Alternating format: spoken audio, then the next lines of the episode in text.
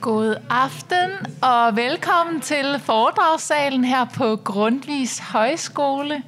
Vi er jo sindssygt stolte over at øh, have fået besøg af fotoklubben her på Grundvis Højskole. Så giv en varm, varm velkomst til Christian Klimholm og Kim William Katton.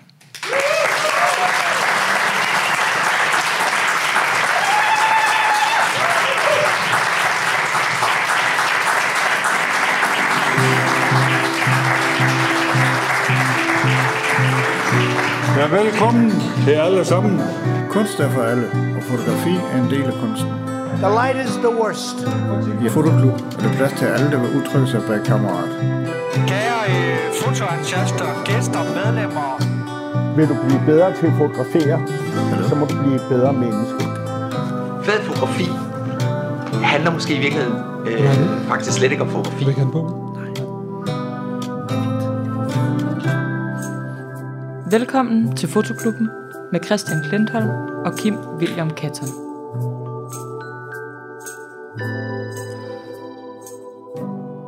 Vaskeægte live. Fotoklubben. Bum. Podcast produktion. Jeg trykker på knapperne, mens vi sidder her. Ja, det er nyt for os. Velkommen til Fotoklubben alle sammen. Mit navn det er Christian. Jeg hedder Kim. Og øh, et lidt specielt afsnit af Fotoklubben. Hvor er vi henne, Kim? Vi sidder på Grundvis Højskole, og det er i Hillerød. Og der er publikum på. Vi er på øh, Vaskeægte Fotofestival sæson. For uge siden var vi til Copenhagen Fotofestival. Og nu er vi til Grundtvig Fotofestival, Nemlig. som er meget international. Mm. Øhm, ja, for dem, der ikke har lyttet med før, det kan være, der er på stykker af, der ikke har det, så er Fotoklubben en øh, podcast om fotografi, lavet af fotogra- fotografer. Der kommer til at være fejl i den her podcast. Normalt så optager vi over to timer, og så kan jeg redigere væk, hver gang jeg siger øh, og udtaler folks navne forkert og sådan nogle ting der. Mm. Det kommer ikke til i dag, øh, så vi må se, hvordan det går. Hvordan har din hånd det lige nu? Den er bedre. Bedre? Den er bedre. Okay. Det her det er jo en lidt speciel øh, podcast, fordi vi har lavet den som et eksperiment. Kan man snakke om fotografi øh, på et lydformat? Det er jo sådan lidt dumt. Det er jo noget, man ser med øjnene, men kan vi snakke det op og ligesom gøre det øh, bedre på, på den måde? Ja. Og så er det også en øh, podcast, der er delt op i segmenter. Så det vil sige, at vi har nogle segmenter, vi som bruger til at blive klogere på den gæst, vi har inde, sådan, så det ikke bare bliver det klassiske personportræt med, øh, var din mor ond ved dig, og sådan nogle ting der. Men det, det er lidt mere den klassiske fotosnak, som fotografer har imellem øh, hinanden. Og apropos øh, gæst, så er det jo nemlig sådan en har vi med i hver afsnit. Og øh, vores gæst er vores medvært, plejer vi at sige. Øhm, og skal vi ikke bare få præsenteret dagens gæst? Jo, dagens gæst er Joachim Adrian.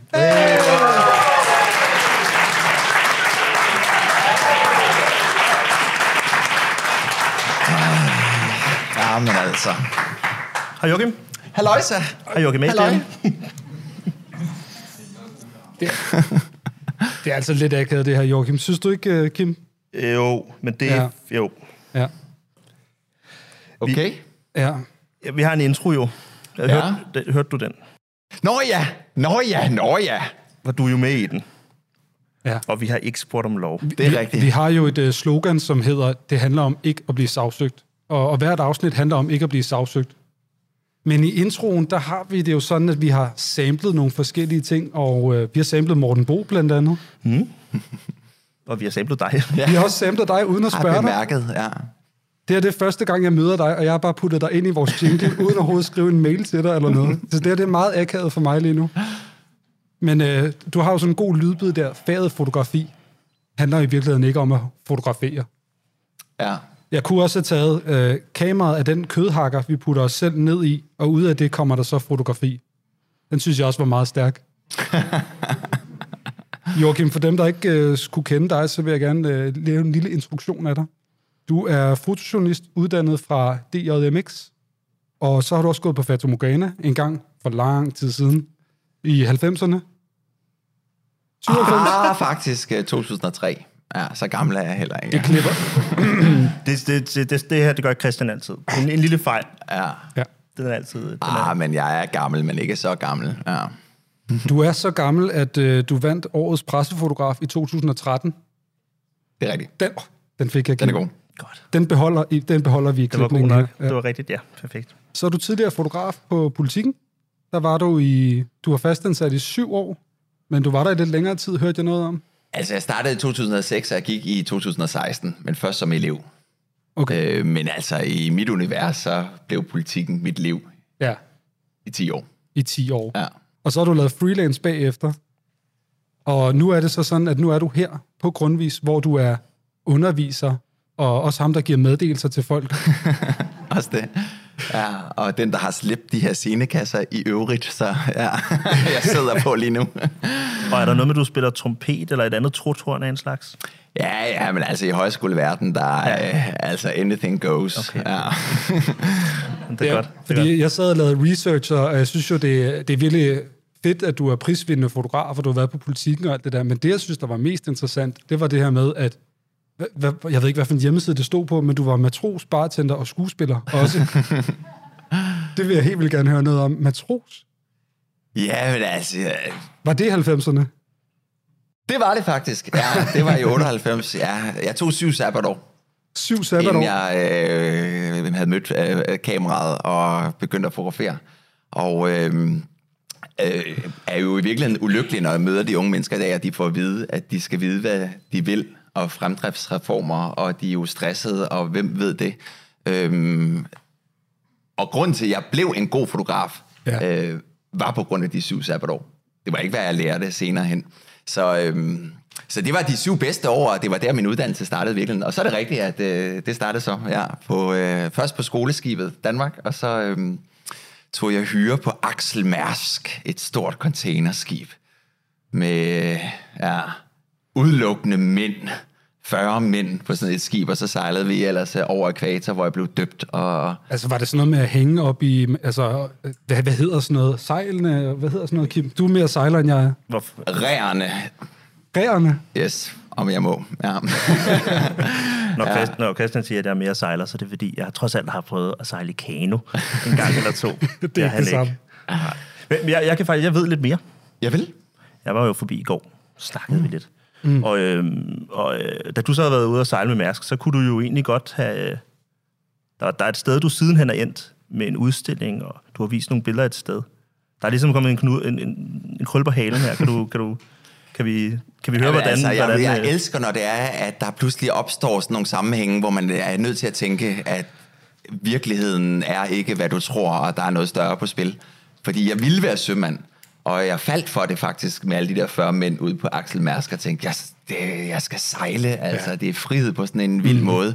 Og så skulle det alligevel ikke være hos Mærsk, altså så skulle det også være sejlskib, og jeg havde alle mulige planer. Og de ender så alligevel med at blive forpurret, og øh, så har jeg mødt et kamera, og så blev det ikke til noget. Og jeg, jeg har virkelig øh, ikke fortrudt særlig mange ting, men jeg har alligevel tænkt sådan, tænk et liv, hvis jeg dog var blevet sømand, altså. Og så er alle steder i hele verden, så øh, uden at jeg selv har haft en finger med i spillet, så er der en dame, jeg møder her på Fotofestival sidste år, der ser min udstilling, som hænger nede i Vandrehallen, som insisterer på, at hun vil have den udstilling hjem til der, hvor hun kommer fra. Øh, og det siger jeg, "Nå, men det er meget gerne. Og, sådan, og mm. Hun arbejder på det et år, corona er det kan ikke lade sig gøre, og flytte og alt muligt. Og til sidst ender det med at kunne lade sig gøre. Og så er det på Marstal Søfartsmuseum. Marstal, hvor jeg skulle gå på søfartsskole, men 14 dage før meldte fra, fordi jeg hellere ville være fotograf. Og så finder mine billeder selv hjem, altså. Øh, og de hang der blandt skibe, og der kom en gammel matros, som jeg havde sejlet med på skoleskibet, som nu bor på Ærø, øh, forbi til faniseringen. Og, altså, der, der er sådan mange tråde, og det er også for mange tråde til, at det kan være tilfældigt. Ja, ja. enig. Enig. Men ved du, så den her sweater, der hedder Joachim Adrian, lad os tage og, og tage nogle flere tråde der. Jeg vil gerne lige høre bartender, den vil jeg også gerne lige høre. Og så vil jeg høre om skuespiller bagefter. Hvad, hvornår er det? Hvad er det? Øh, jamen så, øh, da jeg så øh, finder ud af, at jeg øh, ikke vil sejle, fordi, egentlig fordi jeg skal ind til søværnet, mm. og øh, sidder på et bjerg i Alaska, og har så øh, lige inden jeg gik derop på det bjerg, været i biografen helt alene, og set en krigsfilm, rigtig dårlig Hollywood-film, men hvor, jeg kan ikke huske, hvad den hed, men det var sådan, øh, hvor en masse mennesker døde, og så sidder jeg på det der bjerg, og så tænker jeg, fuck, jeg skal selv ud og lave krig nu, når jeg skulle ind til søværnet. Øh, det kan jeg ikke, og så øh, øh, meldte jeg ligesom fra. Øh, og så sad jeg ligesom med et kamera i hånden, og tænkte, det bliver min, øh, så må jeg jo hellere gøre det. Ja. Øhm, og så vi er hjemme på noget fotoskole, og det koster penge, og så kunne det lade sig gøre at få job på en bar. Så tog jeg job på en bar, øh, og øh, det udskød så fotouddannelsen øh, et par år, fordi så fik jeg lidt at drikke i et par år. Ja. øh, ja. Og så, øh, jeg tror, der var der sådan halvandet år, hvor jeg øh, primært levede fra 22 til 06, øh, halvnøgen fuld ude i Københavns gader. Ja. Og op til det, jeg kan, godt- jeg kan godt lide historien om, at du øh, i al din, lad os kalde den søsyge, eller sølede, søger så langt væk fra havets overflade, du overhovedet kan, op på et bjerg. Hvad er det for en munkehistorie? Hvorfor var det ligesom... Hvad er det for et eventyr? Ja. Nej, det det er, når man kommer til Alaska, jo, så er der jo bjerge, så der kan man ikke komme ned under vandet. Så, øh, nej, nej. nej. nej men, det er, men det er jo rigtigt, det er jo det samme. Altså, det er jo sådan at nå til verdens udkanter og de steder, hvor du ender med at møde dig selv og alt muligt, ja, ja. som jo derfor også giver god mening i forhold til at øhm, møde et kamera. Ja. For det var også sådan et bjerg eller en dyb kløft eller et eller andet. Men så lad, os, øh, så lad os lige tage den her med, at øh, vi snakker om den her kødhakker, der hedder kameraet, og de her sabbatår, du har haft, så, øh, som du mener har været meget formende for dig. Og nu er du jo selv underviser og ligesom skal støtte unge i, hvad vil de, og hvor vil de mm. hen og sådan noget. Hvad mener du, at alle de der sabbatår har gjort for dit fotografi? Altså, har det gjort dig til en, en bedre fotograf? Er du sindssyg? Og også bare til et bedre menneske. Når jeg så siger, at øh, kameraet jo bare er en kødhakker, øh, som handler om, hvordan vi er mennesker, så hænger de ting jo sammen. Mm. Øh, og på den måde, så øh, øh, var det da blandt de der søfolk, at jeg fandt ud af, øh, hvordan man øh, begår sig blandt mennesker, og også mærkelige mennesker. øh, og øh, øh, alle de der øh, måder at kunne interagere på og tilpasse i miljøer, hvor man ikke hørte til, for sådan følte jeg det lidt omkring søfartsmiljøet, for jeg kom ikke fra en søfartsfamilie. Så det var, jeg følte mig sådan lidt som en turist, eller som lidt fremmed. Ja. Og så alligevel pludselig at være sådan ude på søen, og, og skulle navigere i alle de koder, og sådan, øhm, er der ting, som er direkte Ja. øh, sådan overførbare til fotografiet, som jo også er det, som øh, folk har rodet med i den her uge på Fotofestivalen. Altså, Helt klart. ah, det der menneske, mødet mellem mennesker, og, øh, og det kan man, øh, det lærer man ikke på journalisterskolen eller på øh, øh, en fotoskole som sådan. Øh, det er jo levet liv, som mm, bliver ens redskaber til, Ja, så det at gode man projekt, så kan tage eller et kamera op lige pludselig. det gode projekt, eller det gode portræt, det, det handler om nogle ting, der ligger bag kameraet faktisk. Forud for, at du tager kameraet op måske. Fuldstændig. Altså, jeg, øh, det er ikke sikkert, det er sådan for alle. Altså, jeg har også stor respekt egentlig for håndværket, men jeg er ikke en håndværker, når det kommer til fotografering. Øh, I virkeligheden så føler jeg egentlig ikke, at jeg er sådan specielt god til at fotografere, men jeg er slet ikke i tvivl om, at jeg er god til at møde mennesker. Mm. Og de øh, billeder, som øh, kan noget af dem, jeg tager, handler heller ikke om sådan øh, hvad kan man sige, jeg er ikke sådan fotografisk øh, særlig speciel, altså jeg har ikke nogen speciel et- æstetik eller noget sådan særligt øh, blik på den måde, men, øh, men jeg er god til at få mødet mig ind på mennesker og have en nærhed, og der opstår noget øh, øh, i den situation, som så er mit fotografi. Så på den måde, så øh, bliver det måske også for mit fotografi endnu mere afgørende. Alt det der søfartshalløj og Men må jeg så spørge, rejser øh, og druk og... nu, nu hvor du så ord. underviser, så kommer Gustav hen til dig og siger han, Joachim, prisbelønnet fotograf for Hvem politikken. kommer jeg hen til? Gustav, der sidder lige Ah, hernede. hej, Gustav. Ja, han er gået her. ja. øhm, Gustav giver os god kaffe. Nå, ja tak. Tak. Det der. Øhm, når Gustav han kommer til dig og ligesom siger, Joachim Adrian, 2013 årets pressefotograf, jeg vil lære alt fra dig. Jeg vil være årets pressefotograf 2021. så siger du til ham, ja, du skal lige til at sejle i syv år. Nej, men der synes jeg jo, at han er kommet på et skib i forvejen. Fordi det her er heller ikke en skole. Og grundvis. Ja. Altså, jeg, øh, altså, øh, don't get me started omkring metaforerne omkring det skib og højskolen. Altså, øh, fordi det her, vi befinder os langt ude på havet, og vi sejler rundt øh, i vores egen sø her, og øh, undersøger hinanden og livet, og der er fjerne horisonter, og der er langt hjem, og øh, så på den måde, ja. så synes jeg faktisk, at øh, når de kommer, og jeg lover dem heller ikke, altså det har aldrig lovet en øh, elev, jeg får, at øh, de skal blive årets presfotograf. Tværtimod, så øh, øh, kan, Det synes jeg, jeg godt, er du ikke kunne sikker gøre. på, at jeg kan lære dem at fotografere, men at jeg kan med fotografiet give dem en oplevelse af måske, øh, hvad fanden det er, vi er en del af, og de kan være, eksperimentere lidt med sig selv og omverdenen, og øh, ja, mm, det er at Er det, de, er det i virkeligheden det, det, det er godt til fotografiet? De store spørgsmål? Øh, øh, jamen, fotografiet, ja, øh, i særdeleshed. Øh, og så, øh, så synes jeg faktisk, at altså, ja, altså, på den måde kan jeg også godt være sådan lidt kultisk omkring fotografi, når man kommer herind, og man først øh, virkelig øh, ja, kommer i mine hænder. Øh, fordi jeg, jeg øh, har en oplevelse, har selv haft en oplevelse med fotografi, og har den til stadighed med eleverne her, om at fotografi er øh, et helt grundlæggende menneskeligt vilkår i vores forståelse af, hvem vi er og hvad vi er, mm. øh, og hvad vi er en del af, og sætter hele tiden spørgsmålstegn ved det. Altså hele den måde, vil jeg mene, vi overhovedet øh, ved, at vi er mennesker, og at vi er her, og i det hele taget skal prøve at navigere i et eller andet, består jo af vores øh, blik som udgangspunkt. Det at se. Det er, at øh, vi får et indtryk ind og kan øh, navigere i, at der findes et eller andet.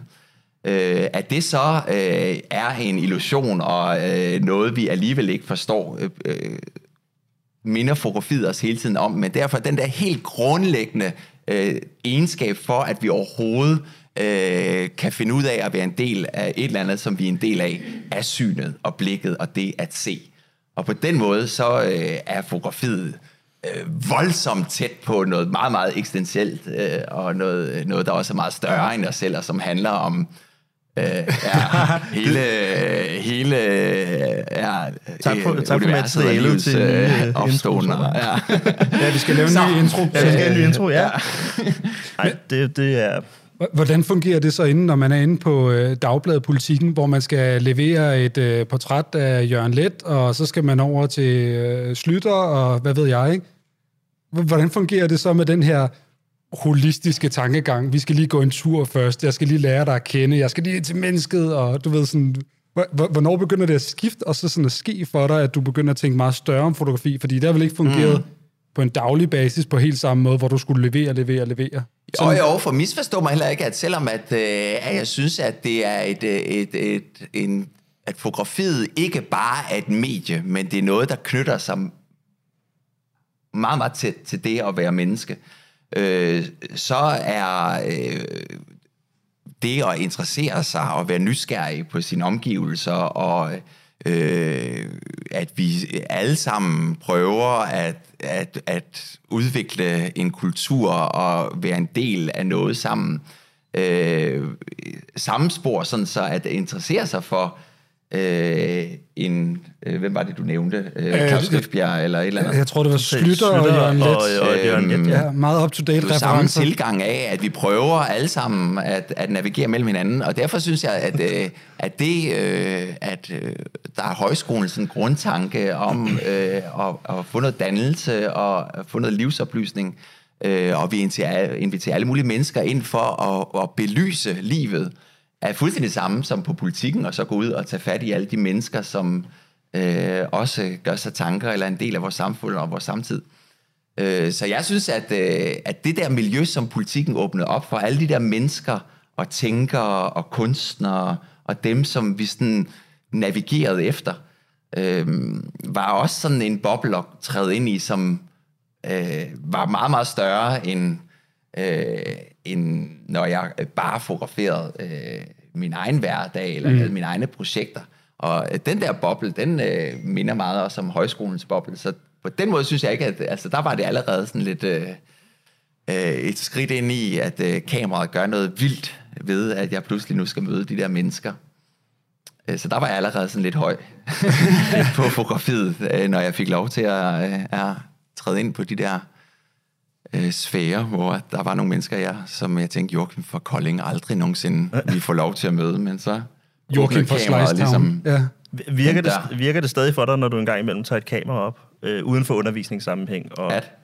at du får den der, wow, jeg lever, øh, nysgerrigheden. Øh, ja, men der er alligevel, øh, altså på den måde, så er der jo altid en øh, slange i, øh, i paradiset. Og på den måde er der jo også, altså er det, er det heller ikke fordi, at øh, altså, øh, at fotografiet så har svaret på alt, og så bliver man lykkelig eller sådan noget. Det er bare et, øh, et ekstra bud på, at vi ikke øh, fatter en meter, og vi ved ikke, hvad vi er, og, og vi prøver at gribe livet, og det er ikke fordi, det så bliver nemmere af det, fordi man tager et kamera. Øh, og derfor, øh, og så få et fast job og skulle tjene penge, øh, og med, i alle mulige andre sammenhænge, så, øh, øh, jamen så øh, er der også, var der også alle mulige bagsider ved at være fotograf, mm. øh, og også fotograf på politikken. Øh, sådan så øh, det skifte, jeg ligesom gjorde, da jeg så sagde op, og kunne mærke, at nu har jeg prøvet det, øh, var jeg ikke klar over, at det blive så stort et skift, da jeg sådan ligesom blev højskolelærer. Men da den dør ligesom åbnede sig, og at, at der ligesom var et helt nyt univers på spil, så blev det på en eller anden måde også øh, en, øh, at, øh, at forlade det selv at være fotograf. Okay. Øh, sådan så jeg fotograferer stadigvæk, og sådan, men, men det har fuldstændig forandret sig til, hvad det var, fotografiet var for mig, og hvad det var for en dør, det åbnede for mig, og den måde, jeg levede med det på, da jeg var på politikken, mm. til hvor jeg er her, hvor at jeg elsker fotografiet stadigvæk, og alle de her sådan, øh, måske sådan lidt øh, kultiske tanker, jeg kan have om fotografiet, er, dukket, er i særdeleshed dukket op her, men det er alligevel uden, at jeg selv har specielt meget rollen af at være den, der skal trykke på knappen. Men øh, altså, har du så også den der tid, der var på Journalisthøjskolen, har du også været helt besat af fotografi dengang? Fordi det ved jeg mange, der går der, altså unge mennesker især, ikke? de bliver helt besat, mens de er der, og der kommer også lidt konkurrence ind i det, og man skal ud og redde verden, og man skal tage mm. det nye fede projekt, og man skal vinde priser og sådan noget der. Altså, du snakker jo lidt om et skift i din holdning til, hvad kan fotografi, og hvad kan jeg ikke? Nu du skiftet over til, at du ligesom er mere en, der guider mm. andre yngre mennesker. Men var du også besat af det dengang? På sådan en konkurrencemåde? Mm, ja, altså på den måde så er, og det er jo helt klart, når jeg taler om slangen, at, øh, at det der sådan præstationskrav, som mm-hmm. vi alle sammen er underlagt, og som man, jeg tror i særdeleshed, man er underlagt i fotografiet, og i sådan en kunstverden, hvor der er mange ombud, og sådan, mm. øh, det, det, har, altså, det bliver man lullet ind i, så øh, jo, det har jeg nok været i en vis grad, altså vil, så vil man være den bedste, og man øh, vil øh, have øh, en god praktikplads, og mm. Øh, så det, jo, det tror jeg helt klart blev født på Solisterskolen og igennem praktiktiden. Ja som øh, også er det, som nok i sidste ende så gør, at det var heller ikke det, jeg skulle resten af mit liv, tror jeg. Øh, på den anden side kan man sige, at det var, øh, jeg ville faktisk ikke på journalisterskolen. Altså, jeg havde tre andre ønsker. Altså, mit ønske nummer et, det var at komme på kunstakademiet. Men, okay. øh, og der sendte jeg en ansøgning ind, øh, fordi jeg tænkte, at øh, indtil da havde jeg kun fotograferet mig selv, stort set, øh, på hva, de der fatamorganer ja, og sådan noget. Det skal vi lige høre. Ja, hvad, hvad sendte du ind? Det, det, jo, jo, jo. det er faktisk lidt, altså det... Øh, Jeg kom jo ikke ind.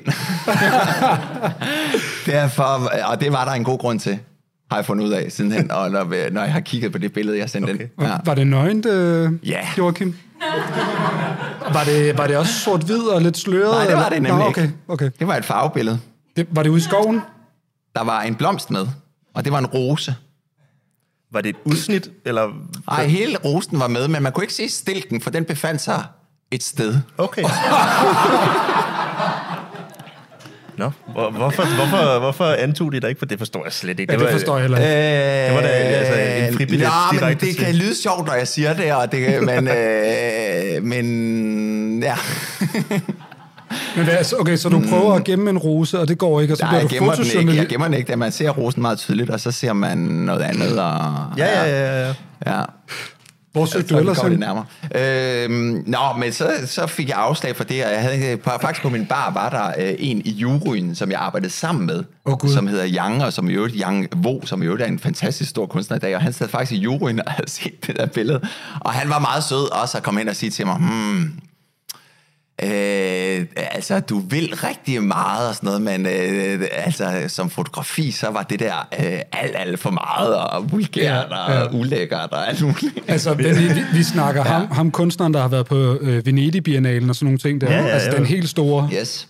Øhm, han har set ja, dit altså, rosebillede. Ja, og han brød sig ikke om det. Øhm, Nå, så havde jeg en anden prioritet, fordi jeg, som, nå, det var så skuespil, at øh, så havde jeg også øh, øh, var kommet med i en teatergruppe, og det synes jeg også var spændende. Og, øh, endnu en gang var det i virkeligheden ikke øh, for at spille teater, men fordi jeg tænkte, at det var en dør, der åbnede til et sjovt liv på en eller anden måde.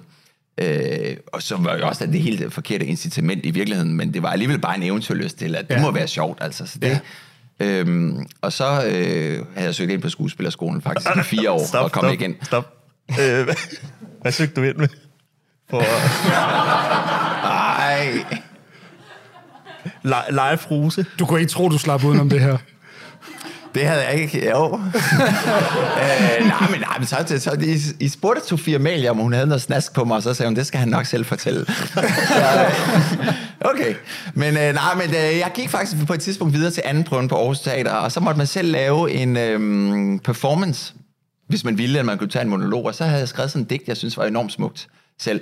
Og så tænkte jeg, det skal jeg sætte en sæt øh, teater på. Og i det der digt, der slutter det sådan meget vildt, hvor at min øh, hovedperson i digtet går op på en, en, en, et højhus, og sådan lidt inspireret af Michael Strunge, der kaster sig ud med en radio. Så kaster han sig ud, og man ved ikke rigtigt, om det er for at dø eller for at leve. Og sådan. Øhm, og, det er sådan, og det var meget nøgent det her. Og så om natten, inden jeg skulle op til optagelsesprøven, tænkte jeg, nu skal den have fuld gas. Og så fik jeg en idé. Så om morgenen, så turde jeg alligevel ikke, øh, ej, jeg gør, som jeg har øvet mig. Men så står jeg derinde, når man får tre minutter, og jeg kan huske, det var øh, Jane Lind, der var øh, teaterchef for Odense Teater, der sad der. Og så sad Claus Bundam der også, øh, som på det tidspunkt var teaterchef for øh, Grønnegårds Teater, så en anden stribe af folk. Og så var der sådan en kryds på scenen, og så måtte jeg ligesom føre, øh, opføre mit øh, digt der. Og det, øh, det startede i øvrigt med, at jeg havde mine hænder sådan her. Og så, øh, så var det ligesom, så gik tæppet til side, og så fjernede jeg mine hænder fra ansigtet. Øh, så allerede der var jeg måske ikke kommet ind. Men øh, øh, da, jeg så når til, øh, da jeg så når til toppen af det her højhus, og hvor min hovedperson skal springe ud, så tænker jeg, det er, et, øh, det er jo, jeg, nu har jeg givet dem alt. Jeg er jo et nøgent menneske foran dem. Og så den tanke, jeg har fået om natten, var, at jeg skal selvfølgelig være nøgen. Ja, det er klart. Ja, ja. Det er klart. Og så begyndte jeg sådan at klemme af, og jeg når lige sådan til min boxershorts og tænker, der er lige sådan et eller andet sted, en fjern stemme, der siger sådan, nej, du er sikker på, at det er en god idé. øh, og den overhører jeg. Og så springer han, og så står jeg der og smider alt mit tøj, og så er tiden gået, og så er det bare sådan helt stille. og der bliver sådan rykket på nogle glas, og, sådan, og så siger Jane Lind der, øh, ja tak. og så, øh, så var jeg bare klar over, at jeg havde ikke ramt den. Altså. Og det var sådan en øh, meget, meget ydmygende oplevelse, sådan lag sådan nøgent og prøve at dække mig lidt til, og sådan samle mit tøj sammen. Og så øh, sådan kom nøgen ud i forjen, hvor alle de andre, der skulle til opstillelse, prøvede at tænke sådan, okay, han, han ved det for meget, ham der, altså. Der kom jeg heller ikke ind. Øhm, ja, øh, og så, så søgte jeg faktisk også ind på instruktøruddannelsen på teaterskolen, så kan jeg tænke, så kan jeg instruere de andre, der kom jeg heller ikke ind. Og så min sidste prioritet var så, at øh, hvis man kunne komme på journalisterskolen, så fik man SU, og der var computer og kamera og sådan noget, så kunne jeg jo gå derover og hygge mig. Øh, og så øh, søgte jeg ind og skulle til optagelsesprøven, og da jeg bliver kørt øh, til Randers, tror jeg det er, hvor vi skal lave opgaven Det travle menneske. Ja. Er det faktisk øh, første gang, jeg sådan reelt set øh, tager et reportagefoto. Øh, det er, øh, jeg kommer ud, og vi har tre timer, og det er tidlig morgen, og det er travle mennesker. Hvad fanden skal vi man kan lave? måske lige forklare, at når man, er på, når man søger Journalisthøjskolen, så får man jo en bunden opgave, når man uh, tager derhen, Ja. ja. ikke? og man får x antal timer. Hvor mange timer? Tre timer. Tre og timer man til at løse til en en by, opgave. og så er der en opgave. Masser af ja. tid til at tage tøjet af. Ja, ja. Kan man sige. Ja, det var jeg nemlig så holdt op med på det her tidspunkt. Nå, det er godt. Øhm, og så øh, farer jeg rundt der, så sidder der sådan en, øhm, en morgenalkoholiker på en bænk, og han drikker øl. Øh, og så er det så vidunderligt, at når han har drukket sin øl, så har han sat dem sådan ved bunden i vejret hen ad bænken, sådan så de kan stå og dryppe af, når han skal ind i brusen, når den åbner mm. der klokken 8 og hente pant. Så der stod sådan en stribe af øl og dryppet af, mens jeg så selv sad og drik. Og det, det var sådan lidt forunderligt. Så gik jeg hen og spurgte om, jeg måtte tage et billede af ham, og det måtte jeg gerne. Og så tog jeg det der billede, og hang ud med ham og fik en øl og sådan, og det var det billede, jeg så øh, blandt andet afleverede. Og så kom ind på jo. Og, øh, og det ændrede fuldstændig også skiftet, fordi, øh, hvilket var et øh, meget, meget godt skifte. Mm. Men øh, det var også rigtig fint, jeg havde gjort det andet, og havde brudt grænserne af, og fundet ud af, hvornår alt var for meget, og alt muligt. Og det var en befrielse at komme på journalisterskolen, og lige pludselig interessere sig for andre end mig selv. øh, og for omverdenen, og gå ind i andres historier. Ja. Øh, og det var jeg ligesom klar til, fordi nu havde jeg ligesom gjort det andet på en eller anden måde, af min egen øh, fortælling om det. Øh, og så skulle det vise sig, at, øh, at det var så øh, også i virkeligheden det, jeg var meget bedre til. øhm, så ja, Fantastisk. Uh. Sikke et eventyr at være med på her Det, også. det er helt godt. Og så fik du endelig den øh, ros fra øh, den berusede mand på bænken der, som du øh, eftersøgte faktisk, ikke? Det var jo et eventyr, du eftersøgte, og så fik du det sammen med ham der. Ja, altså, og i det hele taget, og det kender alle fotografer jo, at det er jo en fantastisk oplevelse, at man spørger, om man må tage et billede, og lige pludselig får man lov at møde et menneske, og, og man så sidder mm. op på bænken og får en øl, eller vil du ikke med ind og se det her, og hvad det ikke har udviklet men, sig til. Men og, øh, nok om kødet, og nok om den meget kødelige Joachim Adrian. Nu skal vi lære fotografen Joachim Adrian at kende. Og til det, der har vi et segment, som hedder De 10 skud. Ja, ja. Var det højt nok til, at der var nogen, der blev bange? Vi, Ja. vi, vi har jo øh, taget 10 hurtige spørgsmål med til dig, Joachim Alright. Og øh, det er ikke fordi, at du skal svare sådan der og, og, og, og skal holde dig til to ord, men vi prøver at holde det kort. Ja, Joachim Adrian, øh, hvad var dit første kamera? Jeg talte faktisk om det lige forleden, faktisk. Det var et Pentax, et fuldstændig sådan, uh, almindeligt analogt uh, spejlrefleks Pentax, men som jo alligevel overhovedet ikke var fuldstændig almindeligt, for det blev mit første kamera, der skulle uh, tage de billeder, Ja. ja. som var mine første billeder. Og Har du det stadigvæk? Jeg har det stadigvæk, Ja. ja. og det ligger, uh, og jeg låner det ud til eleverne nu. Der, Ej. Nå. Ej, hvor dejligt. Er det dit yndlingskamera, eller har du et andet Nej, det er det ikke længere overhovedet. Øh, Jeg har lige fået mit... øh, Altså, jeg er blown away. Og, ej, uden at der så kan gå for meget reklame i den, men altså, jeg købte et uh, Leica Q sidste år. Det er hernede bagved. Øh. Og jeg synes, at øh, det er så smukt, altså. og så synes jeg også, at der er noget fantastisk i, at jeg øh, bliver irriteret over, når at, øh, at man, øh, folk er gået ind i fotobutik, og så får de stukket et eller andet kamera øh, i hånden, og så kan det, jeg ved ikke hvor meget. Og det et kamera skal kunne i min verden, det er ISO, blænde og lukketid, og så skal det ikke kunne en skid andet, fordi det er det, fotografiet er, og det er det, fotografiet altid har været, og det er det, der er fotografiet. Og alle de der andre knapper og Ja. ting, det kan øh, forvirre os. Og, Føj. ja, okay, vi kan også godt tage en hvid balance på, men Skærm øh, bortset bagpå. fra det. Men, øhm, Flash. men det synes jeg er det fine ved det der Leica, jeg købte, som jo øh, koster meget mere end alle mulige andre kameraer, og så kan det meget mindre. Og jeg kiggede på det der, som kostede sådan 30.000 brugt. Og så så jeg et andet, som så havde viewfinder, og sådan, ja, det kostede 60.000. Så spurgte jeg sådan, hvad kan det mere? Øh, nå, men det kan så heller ikke øh, stille skarpt, det har ikke autofokus. Så, øh, og det, den tankegang er jeg simpelthen vild med. Altså, Ja, ja, det kan jeg også godt lide. Ud Jo med dyrere, funktionerne, jo mindre prisen. kan det. Og, Ja, ja, ja. Øhm, så jeg er blevet meget begejstret for, at det kan de tre ting, det skal kunne. Altså. Så du tager, også, øh, du tager måske også det, det lille memory card ind i det, hvor der kun er 16 megabyte og kun plads til 8 billeder. altså restriktiv fotografi. Ja, ja, nej, men det er selvfølgelig det næste, for det er jo snyd. På den måde er det selvfølgelig snyd, at jeg har købt et digitalt spejl, øh, digital Leica, fordi selvfølgelig, øh, hvis det endelig skulle være, så skulle det være analogt, og der er, der er jo, på den måde er det jo lidt øh, fake Leica, at øh, jeg har Og der er det så bare, fordi det, der er man alligevel gjort af en tid, hvor det er lidt praktisk, og, men øhm, Føler du dig dømt, eller hvad? Leica? Rød, rød dot?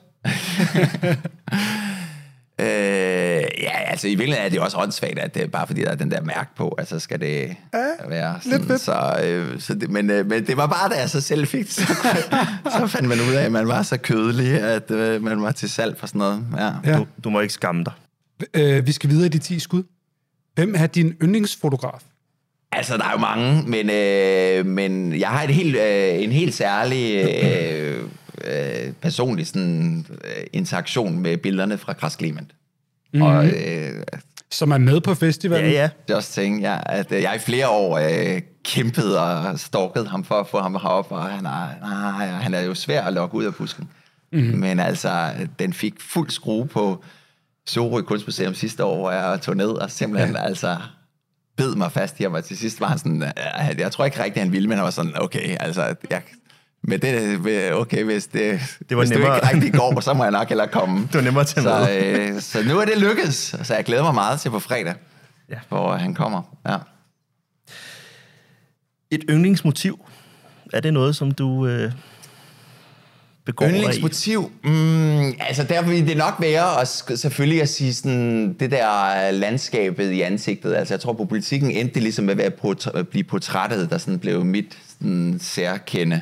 Mm. Øh, men hvis jeg alligevel sådan øh, motiv, så er det nok... Øh, altså, jeg tror, mit yndlingsmotiv er alligevel så, når det så er to ansigter, der mødes og kysser. Altså, kysset synes jeg er, øh, er et fantastisk... Altså, men det er også bare sådan generelt, at jeg synes, øh, jeg synes kysset er noget af det smukkeste, altså der, hvor at ordene holder op, og den interaktion, vi har som mennesker, vi må give op. Og hvad finder vi så på? Så den mund, vi bruger til at spise med, beslutter vi os for så ligesom at sådan, ja, øh, mærke hinanden af på. Altså, jeg synes, det er sådan en overgivelse til et eller andet, og så er det kysset jo også sådan en, øh, det er jo sådan, at man der, lige der, der overskrider du grænsen fra en høflighed til, at, at, det, at nu mm. er vi tætte, og nu møder du et andet menneske. Samtidig er kysset også der, hvor at alt kan ske, og alle dine længsler og drømme og forhåbninger ligger der, for hvad venter der så på den anden side, og derfor også meget bedre, end alt det, der så eventuelt venter på den anden side. Altså, jeg, Så der, Kysset er, ja. kysset er det er vidunderligt.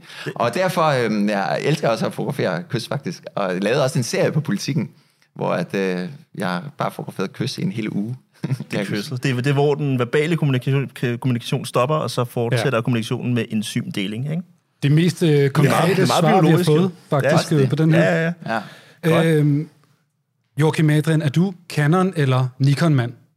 Der er Canon, altså øh, ingen tvivl. Altså, det var, jo- og det, sådan er det jo, når man lærer, hvor de sidder knapperne, så bliver man så Nu får irriteret. du den her knap, hvor der står Canon-mand, Yes. så kan du vise den til dine venner, hvis de Men spørger altså, dig. Nikon er fuldstændig lige så godt. Det er kun sådan en ren rutine. Ej, nu skal du ikke sige Hey, det. wow, Hey, hey, slap af. wow. Nå, men så mere Canon man er jeg ikke. Det er kun nå. fordi, at jeg gider ikke lære en ny menu at kende. Ja. og så har man jo objektiverne, det er også det, der er det smarte, ikke? At når man først har det, så har man jo sit arsenal. Huset er jo i længden ligegyldigt, fordi det er objektiverne, du bliver ved med at mm. vende tilbage til.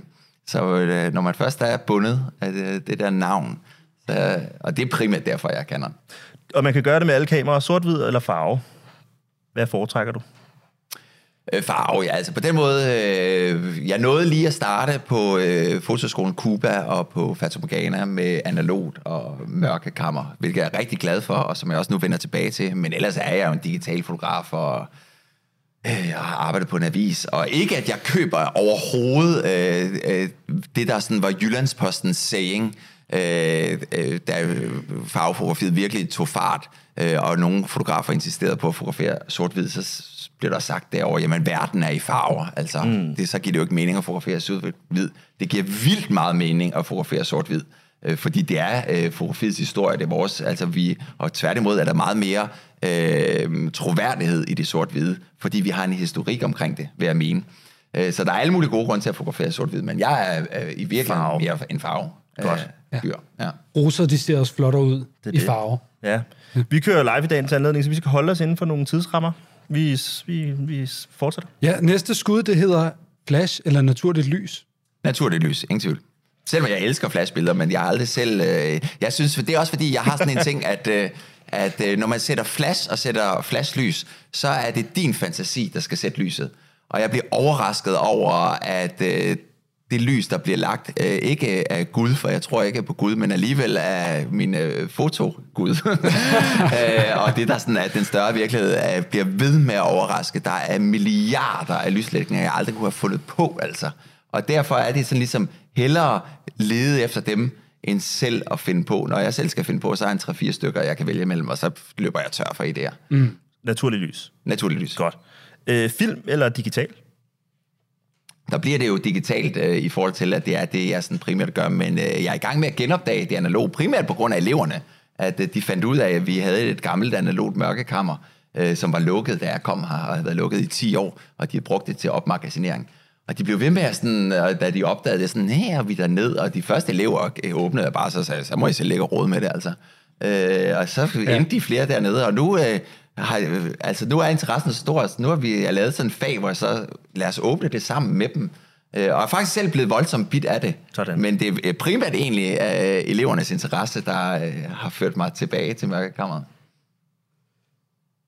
Okay, nu kommer der en lidt særlig en her. Undervisning eller fotografi? Ingen tvivl øjeblikket, øh, for mit vedkommende, er, er det undervisning. Det er godt, du siger det foran dine elever. Nej, det tror jeg fa- faktisk i virkeligheden ikke. Altså, at, øh, der er det, jo, det er jo tit fotografen, de kommer efter, så finder de ud af, at det er en, øh, en højskolelærer, de øh, i virkeligheden er kommet ind hos, som, øh, ikke, øh, som vil alt muligt andet med dem end fotografi også. Altså, ja. ja. Ud at sejle. For eksempel. Ja. Yes. Øhm, Joachim, øh, levende som død og fiktion eller i virkelig karakter, hvem gad du godt at fotografere?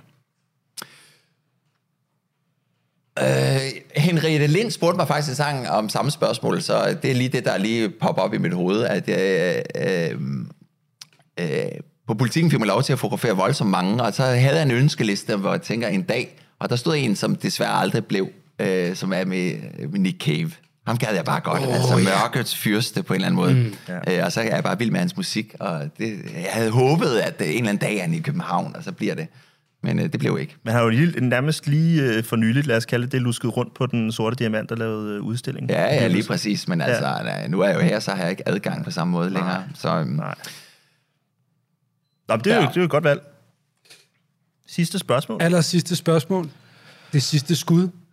Hvordan har du det med at være med i en fotoklub? Nå, For nu er du med ja, i jeg fotoklubben. faktisk lidt over, hvor jeg, over, hvad I lokker mig til at fortælle. Og sådan. det er sådan en, ja, Altså, vi gør ikke noget, Joachim. Vi trykker bare, og så ja. kommer rosen ud af dig. ja, men øh, ej, det føles... Det føles, øh, det, jeg synes, det er vildt hyggeligt, og øh, det kan man jo ikke se ude på den anden side, men jeg sidder jo og kigger ud på øh, meget, meget søde mennesker, som øh, Ja. sidder og sender mig gode blikke og sådan noget, så jeg føler mig meget tryg. Så det er mere ja, dem ude på den anden side. Jeg tænker, hvem, øh, hvem lytter med, men øh, her i salen føler jeg mig meget sikker. Ja. Fedt. Jamen, øh, så lad os vi lidt mere om fotografen Joachim Adrian. Det var de 10 10 skud. Og det fungerer meget godt alligevel. Øhm, vi skal videre. Det er meget stressende for mig at skulle køre to arme på den der måde. Er det det? Ja øh, hold fast, fordi vi skal til øh, det her afsnits allermest øh, aktuelle segment. Christian, det står du for. ja, vi skal til nyhederne.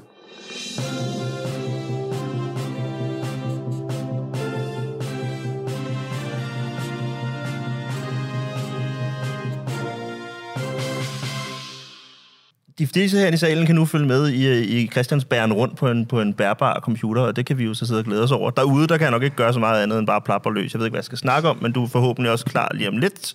Nu har du sat dig igen, du har taget høretelefonerne på, der bliver kørt op for lyden, nu kan man høre os, man kan høre lidt for meget. Sådan der. Og jeg er afsat som pauseklon igen. Tak. Velkommen til det her segment, der hedder Nyhederne. Øh, jeg har en hel masse nyheder med i dag, faktisk, så nogle af dem kommer vi til at køre lidt hurtigere igennem end andre, men øh, jeg bliver simpelthen nødt til at tage dem alle sammen med. Vi starter som alle seriøse nyhedsprogrammer, fordi det er det her, det er et seriøst nyhedsprogram. Bum. Ja. Vi starter i Danmark. Vi skal faktisk til dit hjemland. Politikken. Fordi der er jo sket det, at der har været rokade. Der øh, har været sådan noget, en skorsten med noget hvid røg, der er kommet op og sådan noget der. Der er en fotochef, der er gået af. Han sagde, jeg gider ikke være chef længere. Det er køligt på toppen. Jeg vil være fotograf igen. Og så er der ligesom, så har det været et tomt spot inde hos politikken. Borberg er gået af, og hvem har kommet frem nu? Det har Peter Hove som ny fotochef for politikken, Han har taget vinterjakken på. og er klar til at gøre det beskidte arbejde som fotochef. Har du fulgt med i det her, der er sket inde øh, på politikken? Ja, ja, selvfølgelig. Altså, det er det, det er jo øh, øh, kollegaer alle sammen, og min øh, gamle arbejdsplads, som øh, jeg savner meget også, og jeg, det var da vildt øh, overraskende. Og så alligevel ikke, altså, da det, man lige landede det, men da meldingen lige kom, at Thomas, han øh, ikke vil være chef længere, men vil være fotograf. Øh, for mig giver det jo en total påmindelse om både øh, min egen øh, sådan, skiften, som også gav en påmindelse tilbage til Per Folkvars i sin tid, øh, der jo havde været øh, chef i øh, syv år. Var han din fotochef? Han var ikke min, han var min, den fotochef, der tog mig som elev, Okay, men Thomas var den fotochef, der ansatte mig. okay. Øh, og derfor var Per Folk var min kollega, for der lavede han jo samme nummer, som Thomas nu laver dengang. Øh, så der er sådan noget cyklus i det, og jeg var selv også ansat i syv år, da jeg sagde op, og jeg tror også, at Thomas har været der i præcis syv år. Og det, øh, på den måde, det jeg synes, der giver så max mening, det var, at øh, Per Folk, hvor han havde sådan en ting, og jeg kan huske det, der var praktikant derinde, at han, gik, han foreslog jo en milliard ting, altså. Men en af de ting, han foreslog, det var, at øh, han synes også, at det hele avisen skulle siges op hver syvende år. Og det var ikke sådan, at vores job så skulle gives til andre. Vi skulle bare øh, kunne øh, finde ud af så at sætte os ned og skrive en ansøgning til vores eget job. Altså simpelthen lige kunne argumentere for, hvorfor vi godt vil have vores eget job. Mm. Øh, bare lige for at øh, være sikker på, at man havde fået vækket alle, og var de nu sikre på, at de godt ville have det. Og så skulle man nok få det, var hans, øh, men man skulle bare lige søge det igen. Der og det ja. synes jeg var sådan lidt nemt, altså for en chef også at sige, for så kunne vi alle sammen blive øh, forvirret og sådan noget. Men så gjorde han det selv, da han havde været der i syv år, tror jeg. Satte sig ned og tænkte, og så var der bare øh, et, noget, der trak til, at jeg vil prøve at fotografere igen. Og, sådan. Øh, og det blev også min, øh, det blev i virkeligheden det, der var mit sidste mod til, at jeg turde sige op. For jeg vidste, at når jeg sagde op på politikken, vi har aldrig fået et job der igen.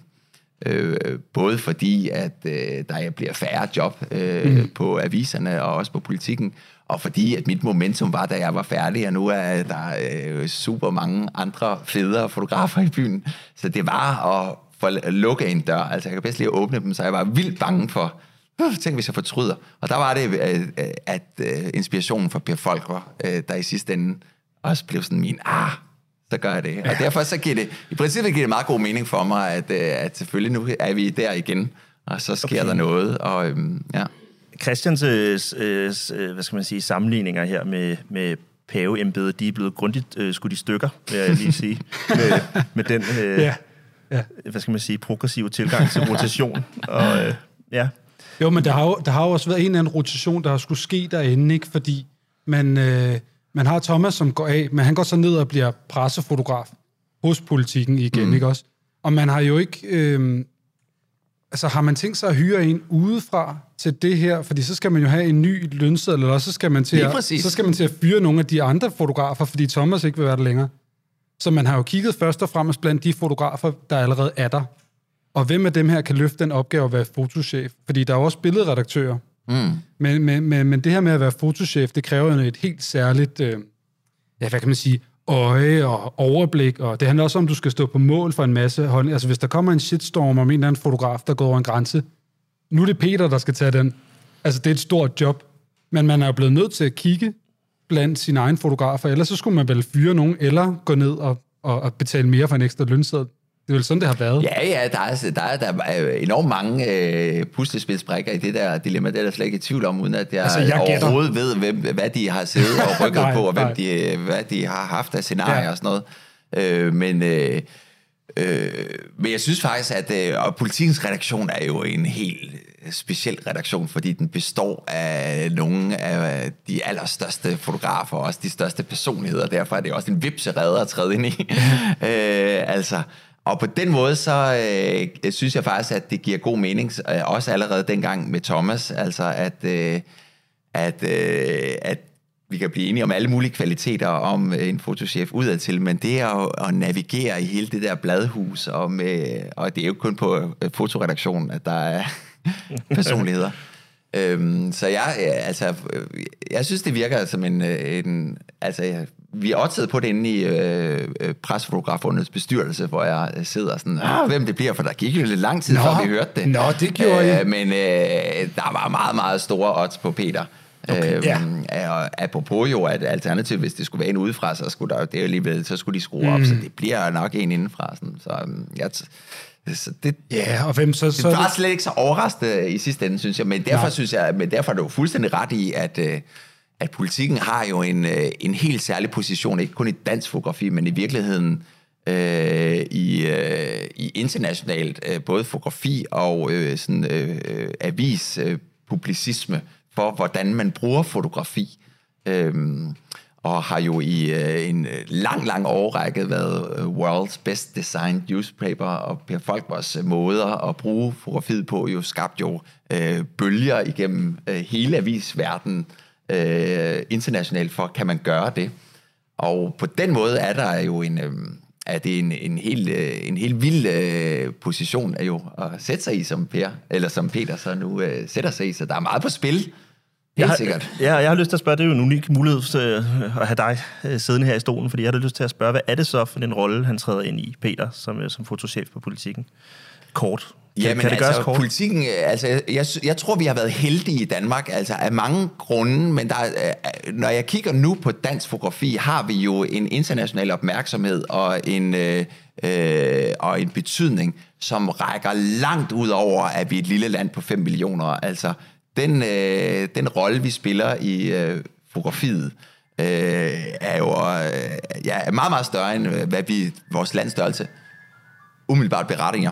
Ja. Øhm, og derfor øh, har jeg, synes jeg, at det er også må være vildt øh, øh, ja, øh, voldsomt at ture, at, som Peter nu gør, at man øh, jo sådan skal træde ind i andre sko og skal løfte sådan en opgave der. En smule intimiderende måske. ja, ja. Ja. Kan vi nå en nyhed til, Christian Torter? Øh, ved du, jeg tænkte på, om vi ikke bare skulle, øh, fordi vi har lovet folk en pause, og nu Ja. er der gået en time, Jo. om vi ikke lige skal tage den 10 minutters pause, og så finder jeg ud af teknisk, hvordan jeg viser næste nyhed, fordi Ja. vi skal kigge på billeder. Ja. Jeg har nogle rigtig gode nyheder med, som jeg meget gerne vil dele med jer. Men øh, lad os lige holde øh, 10 minutters pause, og så dem, der vil, kan komme ind og høre resten af programmet. Ja. Og ja. Lad os gøre det. ja. Ah, så kan vi slappe af. Nu kan vi... Øh,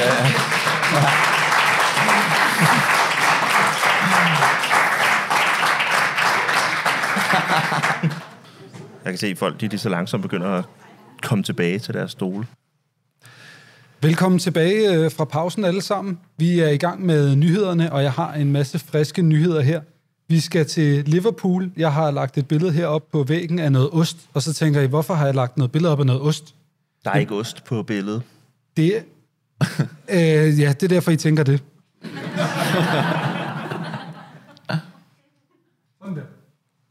Nej, hvor lækkert. Stilsonost. Ja, den kender du godt. Kender jeg godt. Er den engelsk? Meget engelsk. Ja, Kim er jo halv englænder, så han går meget op i engelsk ost. Ja. Man Øh. spiser den simpelthen. Man kan bare spise den øh, til aftensmaden, hvis man har lyst til det. Meget mærkeligt. Men det kan man godt gøre. Det er sådan, så at lige før, der snakkede vores gæst Joachim Adrian om, øh, hvad man kan bruge fotografi til. Øh, og det er sådan, så at politiet kan også bruge fotografi.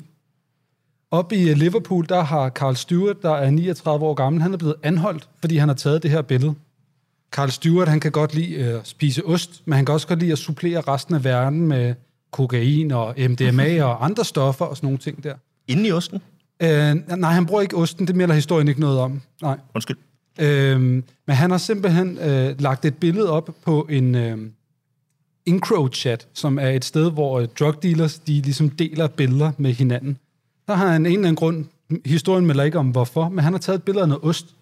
Og ud fra det her billede, som er blevet lagt op, helt ukomprimeret, der har politiet kunne identificere hans øh, fingeraftryk ej, og kunne øh, sætte ham fast på gerningsstedet og sådan noget øh, omkring nabo, altså øh, sætte et motiv på ham. Du var i området, du har taget det her billede. Vi kan se EXIF-dataen, og vi har fingeraftrykkene på billedet, fordi det var i så god kvalitet. Så Joachim Adrian, næste gang du køber en telefon, så prøv lige at overveje, hvor mange megapixel der skal i det kamera. Hvis du da har noget, som øh, der ikke er andre, der Hvis skal jeg, have fingrene i. øh, Det er jo en god historie. ja. også er, er i søgelyset for et øh, mor og sådan noget. Ja. Lad os øh, gå videre her i de tekniske del af nyhederne. Vi skal til USA, hvor at, øh, der er en sport, der hedder golf. Kender du den, Kim? Jeg kender golf. Jeg kørte forbi en golfbane øh, på vejen herop. Det så hyggeligt ud. De spillede golf alle sammen. Og så var der øh, gæs på banen. Det er sådan så, at øh, golf er ja. en sportsgren. Den er måske ikke lige så eksplosiv som, øh, lad os sige, basket eller amerikansk fodbold, hvor man lige rumler lidt ind i hinanden, og der er noget slow motion og sådan nogle ting der. Jeg, jeg har en ven med en enormt dårlig hukommelse, og hvad hedder det, det eneste, han kan huske øh, fra sit liv, det er det hole in one, han lavede, da han var 16. Han er, øh, han er la- langt op i sine 30'er nu. Det eneste... Det er meget eksplosivt for ham, den sport, vil jeg lige sige. Han husker meget lidt om sit liv, men det hole in one, det har brændt sig fast. Vi skal høre om det meget tit, os der kender ham. Det er da også et godt minde at holde fast i. Så for ham er det en eksplosiv sport. Nå, videre. videre. Øhm, US Open prøver at gøre det endnu mere eksplosivt, så ved et af hullerne øh, i år, der vil der være øh, et 10, hvad, hed- hvad hedder det, 10 off? Jeg er ikke så god til golf, men der vil der være 88 kameraer på til det her bullet time 4D-oplevelse, som de kalder det. Matri- Matrix. Matrix, ja. Nu vil jeg lige spille det for jer. Oh, wow. Så, kan man, så går kameraet simpelthen rundt om ham, mens han slår, og så kan man se alle bevægelserne, mens det er, øh, er man driver, som det hedder. Og det er kameraerne, man kan se i halvcirklen rundt Ja, om. præcis. Og den vil der så være øh, 88 af ved et nyt hul her, som ligesom kan fryse tiden på alle givende tidspunkter. Hvorfor? Eller, altså, Fordi det er fedt. Hvad mener du med, hvorfor?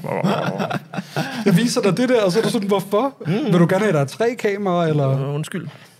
Øh, nej, jeg tænkte, om der var, nu kender jeg ikke så meget til golf, eller er, er der en teknisk, er der, er der noget, som man sådan, øh, kan holde lidt bedre øje med, når man gør det på den måde? Som seer, for eksempel? Som, Altså, som er interesseret i, hvordan man slår? Jeg tror, man går meget op i... i altså, det, det, det, grunden til, at jeg synes, golf er så svært, det er, fordi det er sådan nogle minimale ting. Det er sådan noget, oh, du skal åbne lidt mere op i hoften, Christian, ikke? Eller, hvis du lige vinkler dit håndled 5 grader til, så får du et endnu bedre sving. Og sådan noget. Så det er jo virkelig fedt, det der, at man lige kan sådan fryse det der og se teknikken. Det er jo en teknisk sport. Klart, godt. Var det svar? Ja, fuldstændig. Det var meget præcist. Uh, har publikum købt den? Uh... oh, sindssygt. Ja. Jeg skal altid have et publikum på fra nu af. ja, og du skal til Det at der spille, ja var det bedste. og du skal til at spille golf først, tror jeg. Du, det, skal jeg du har også. styr på det. Styr på det. Noget med hofter, Joachim. Ja. Ja. Nå, men det er da vildt fascinerende. Ja, er det det er jo, altså, der står en fotograf hele vejen rundt, og du har alle billederne. Så behøver man ikke sætte nogen ud imellem. politikken. Man kan bare sætte 88 kameraer op. Ja, det er Jens Dresslings øh, overmand, det der. Altså, han har jo altid været sådan en, når han er ude, og derfor Ja. fik han også altid federe billeder end andre, ja. fordi han havde sat kameraer op lang tid forvejen og hejst dem op i øh, alle mulige steder, Ja. ja. og så sad han med sine fjernstyringer og kunne fotografere steder, vi andre overhovedet ikke var i nærheden af. Hvor mange år tror du, Jens Dressling har, har arbejdet med sportsfotografi? Er det 80 år, eller 90 år, eller? Det er det dog ikke, men det er tæt på. Det er lang tid. ja. Øh, Aktiv mand. Fuldstændig, og øh, jo Danmarks bedste til det. Altså, øh, absolut, er du sindssyg. Øh, og netop jo også fordi, at øh, fordi det kræver nemlig ikke at have det der, du har, nemlig at være sådan, øh, hvorfor er det fedt, eller sådan noget. det kræver nemlig, at man skal jo være nørdet, og man skal nemlig insistere på, ikke bare have sådan et... Øh, og det er også derfor, at øh, også øh, andre Vi skal videre øh, fra mig som det pessimistiske Øh, Man skal have det rigtige. Det skal jo bare være tilfældigt billede, men man skal have der, hvor teknikken og bla, bla, bla. Ja, Det ja, havde ja. Jens altid, det havde vi andre ikke. Vi havde et eller andet uskabt. Det er fedt. Så vil jeg gerne spørge dig, da du var på politikken, der havde I vel adgang til kameraer og linser og sådan nogle ting der, ikke? Er det ikke rigtigt? Øh, jo, det er ikke fordi, at vi sådan specielt havde... Jeg har set nogle af jeres fototasker, der vil sige, at I har adgang til nogle gange til mere. Nå, altså. men altså hvad så, hvis man hedder Jens, og man tager sportsfotografi, og man lige skulle have en zoomlinse, kunne man så gå ned på lageret og hente en, eller? Ja, vi havde, et, øh, vi havde et skab, hvor der stod nogle øh, fede objektiver. Det er rigtigt nok. Ja, ja. Øh, men havde I den her, den top hemmelige fotosniper fra Rusland? Mm, nej, det mindes jeg ikke har set. Der Vil du Nej. øh, prøve at beskrive for vores øh, lyttere af podcasten, hvad du ser her? Altså, øh, øh, først og fremmest så ligner det jo sådan en eller anden form for Kalashnikov, vil jeg mene. Øh, både fordi den er sådan armig grøn, og den har sådan en øh, rekyl øh, pind, vil jeg mene. Altså, jeg ved ikke, om den sådan skyder, øh, og simpelthen giver det rekyl. det, det er for Men, at øh, hjælpe med at stabilisere shutter speed. Nå, okay, yes, of course. Men det, derfor er der noget, helt klart nogle referencer til noget militant og noget øh, nedskydning. Samtidig med, at den, der er sådan noget retro over den, og den er Ja. sådan... Øh, Og hvordan tager man billedet på det her? For det er Øh, heller ikke helt normalt. Der er en aftrækker hernede, ja. som Ja. man trykker på. Øh, ja, ja. Det er sådan så, at du har ret i, at der er noget militær over det her, fordi den er, grunden til, at den er solgt for 170.000 dollars, det er fordi, den er udviklet til det russiske militær. Det er en prototype. Og øh, det eneste billede, der findes af den der her læ- længere nede i artiklen, det er her, hvor der sidder en mand ude på vandet. en rigtig matros, der sidder og fotosniper. Den er 600 mm og har en blænde på 4,5. okay. Altså, sådan en havde vi faktisk inde på politikken, men den så bare ikke sådan derud. Der var ikke noget håndtag, Og der var ikke noget håndtag, ja, nej. tror du, man bliver en bedre fotograf af at have sådan en der? Altså, hvis man skal stå så langt væk, som han givetvis er skulle for at fotografere, så vil jeg sige, så der praktisk har en 600 mm, der kommer man ikke langt med sin 35. Så jo, det vil jeg da mene. Der er der en grund til, at øh, nogle gange er zoom der er fantastisk. Altså. Ja. Ja, Du, du har jo haft fotosniperen med tidligere i fotoklubben, Kim. det har jeg nemlig. Og det, øh, ja. Da vi snakkede om de dummeste gadgets. Jeg havde Canon-koppen med. Du havde fotosniperen. fotosniperen, den russiske fotosniper. Og, og grunden til, at du har taget den med i dag, det er jo, den, er, den er lidt særlig, fordi det er, det er ikke en hvilken som helst fotosniper, du har taget med her. Øh, det er prototypen, Ja. og den er lige blevet solgt. Skal vi lige have det med? ja, for 170.000 dollars. Det er mange penge. Det er mange penge. Det er en dyr Og lige have den. Vi skal lige høre, vi skal lige høre det, fordi det, det er et godt beløb. Den skal lige sætte sig hos mig i hvert fald. Ja, så vil jeg hellere have to Leica Q. Hvor meget kunne man købe for... Øh, For 170.000, det tror du så, man kan få et rigtigt Leica? ja, så ved jeg ikke engang om... Øh, ja. Og får man også en Om det- skærm med? Ja. så kan det meget, meget, meget lidt, hvis det er oppe i den prisklasse. Nå, vi skal videre i vores øh, nyheder i dag. Vi skal over til Canon. Du er jo Canon-mand, Joachim Adrian. Det har vi fået etableret. Når du ikke leger Leica-mand, så er du Canon-mand. Og øh, det er sådan så, at Canon har nu implementeret en ny teknologi ude på deres fabrikker, hvor at medarbejderne de skal smile til nogle kameraer for at komme ind på arbejde. så I kan se her på billederne, her har de sat et kamera op, og der skal man smile, så åbner døren. De kalder det smile recognition, og de håber på, at det vil gøre, at folk automatisk bliver gladere. Du ved, lidt ligesom hvis man griner, så bliver man glad. Ikke? Også selvom det er et falsk grin. Man kunne også prøve at arbejde, arbejde lidt på et arbejdsmiljø, hvor folk de gjorde det helt naturligt. Tænker jeg. Smilte? Ja. Det er da lidt ærgerligt, at man på en eller anden måde bliver nødt til at implementere teknologi, der tvinger folk til det. Det må, det må fortælle lidt om, om det sted, folk Altså, hvis man skulle lave en fotoanalyse, er det også et lidt stift smil, hvad jeg mener. Ja, Ja, kan den se, om, om man er, er autentisk i sit ja smil? det er en god detalje. Ja. Ja, og man har nok Er det et tænder. ægte smil? Eller er Og hvilken det... repressalie er der, hvis man møder Sur. sur på arbejde? Nej. Så hjem igen. Ja, så er det hjem. Hjem. Så du er syg. Ud. Du er tydeligvis syg. Du er tydeligvis ikke en kanonmand. Ja. Du hører ikke til her. Ud. Går til Nikon. Væk. Ja. Eller, eller Leica. Øh, det her det er jo Kina, Kim. I øvrigt. Okay. Det hører næsten også lige med til historien. At det ikke er i Herlev. Det, det er ikke her, det er ikke okay. Canon Herlev, nej. nej. Bliver du trist over den her nyhed? Normalt bliver du lidt trist over sådan nogle her, hvor at, at man prøver at styre folk med kamera. Du ved, sådan lidt Black Mirror-agtigt. Så bliver du lidt trist. Over sådan dystopisk teknologi? ja. Ja, det kunne jeg snakke meget lang tid om. Det gider jeg ikke nu. vi skal videre. Skal vi ikke det? Jo. Jeg bliver Øh. lidt, jo, jeg bliver lidt trist. Det kan vi lige så godt sige. Jo, men så lad os hoppe videre til den sidste øh, nyhed, som handler om en hest, der fotobomber øh, et photoshoot her. Og den har heller ikke nogen problemer med at smile. Øh, så Kæft, mand. det her, det...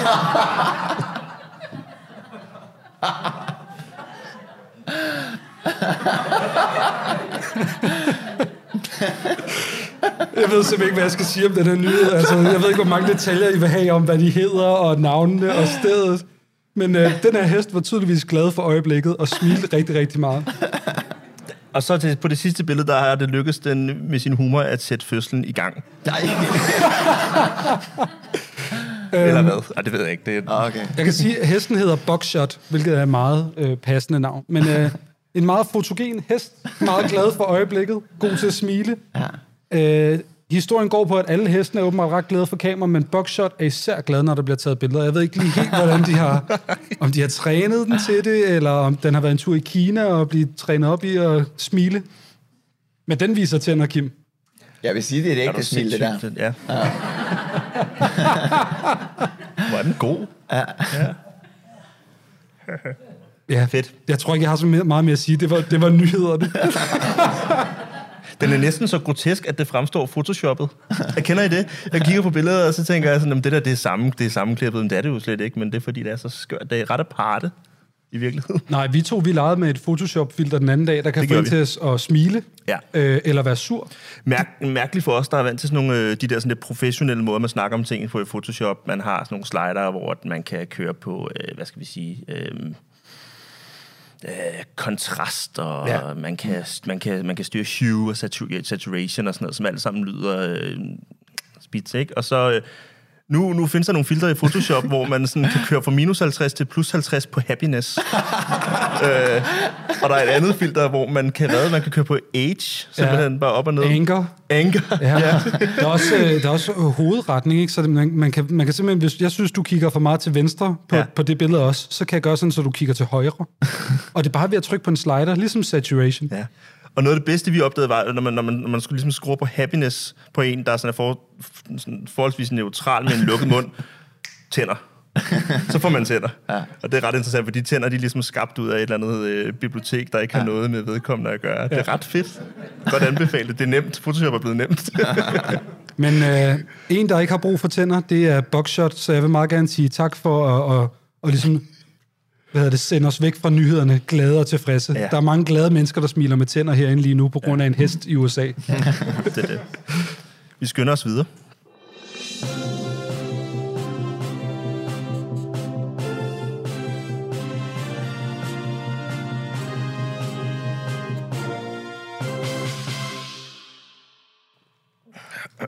Det var øh, nyhederne for i dag. Nu skal vi videre til et øh, andet segment, hvor at, øh, vi ikke kigger på en nyhed. Vi skal kigge på et fotografi. Det er sådan så, at øh, vi beder altid vores gæster om at tage et fotografi med. Øh, det kan være et fotografi, der betyder noget øh, for vores gæst. Det kan også være et fotografi, man lige har opdaget for nylig. Gæsten kan have taget det selv. En anden kan have taget et billede. Men øh, jeg tror, at, øh, at du, Joachim, den har noget til os. Det kommer alle sammen i et segment, som vi kalder for...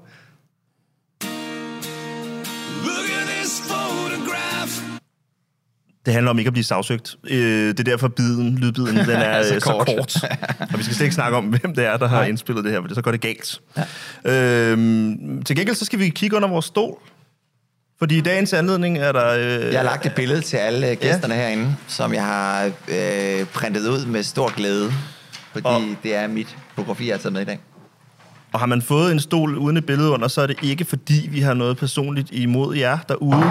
Øh, så kigger I bare med hos øh, jeres side. Kammerat. Ja, vi har fået et øh, fotografi i hånden. Det er jo altid dejligt ikke bare at kigge på et fotografi, men også at røre ved det. Lige præcis. Øh, printet ud på øh, Harnemølle, 300 gram. Ikke helt. Dog øh, har jeg været nede og taget det almindelige kopipapir ud, papir ud og putte noget øh, 90 mg papir i, Sådan. som er lidt blankere og lidt tykkere, så jeg har faktisk gjort lidt ud af det. Nej, der har du ja. da. Der har du da. Joachim, øh, vil du gøre øh, vores lytter den tjeneste, at øh, du lige siger, hvad hedder fotografiet, hvem er det taget af, og så måske lige beskrive det for os. Ja. Altså, vi ser, øh, vi ser en ung mand, der hedder Silas på billedet, og det er et portræt, vil jeg øh, kategorisere det som. Øh, han har øh, nøgen overkrop, han sidder øh, faktisk med ryggen til fotografen, men så vender han lige blikket hen over øh, skulderen øh, og kigger øh, direkte på os.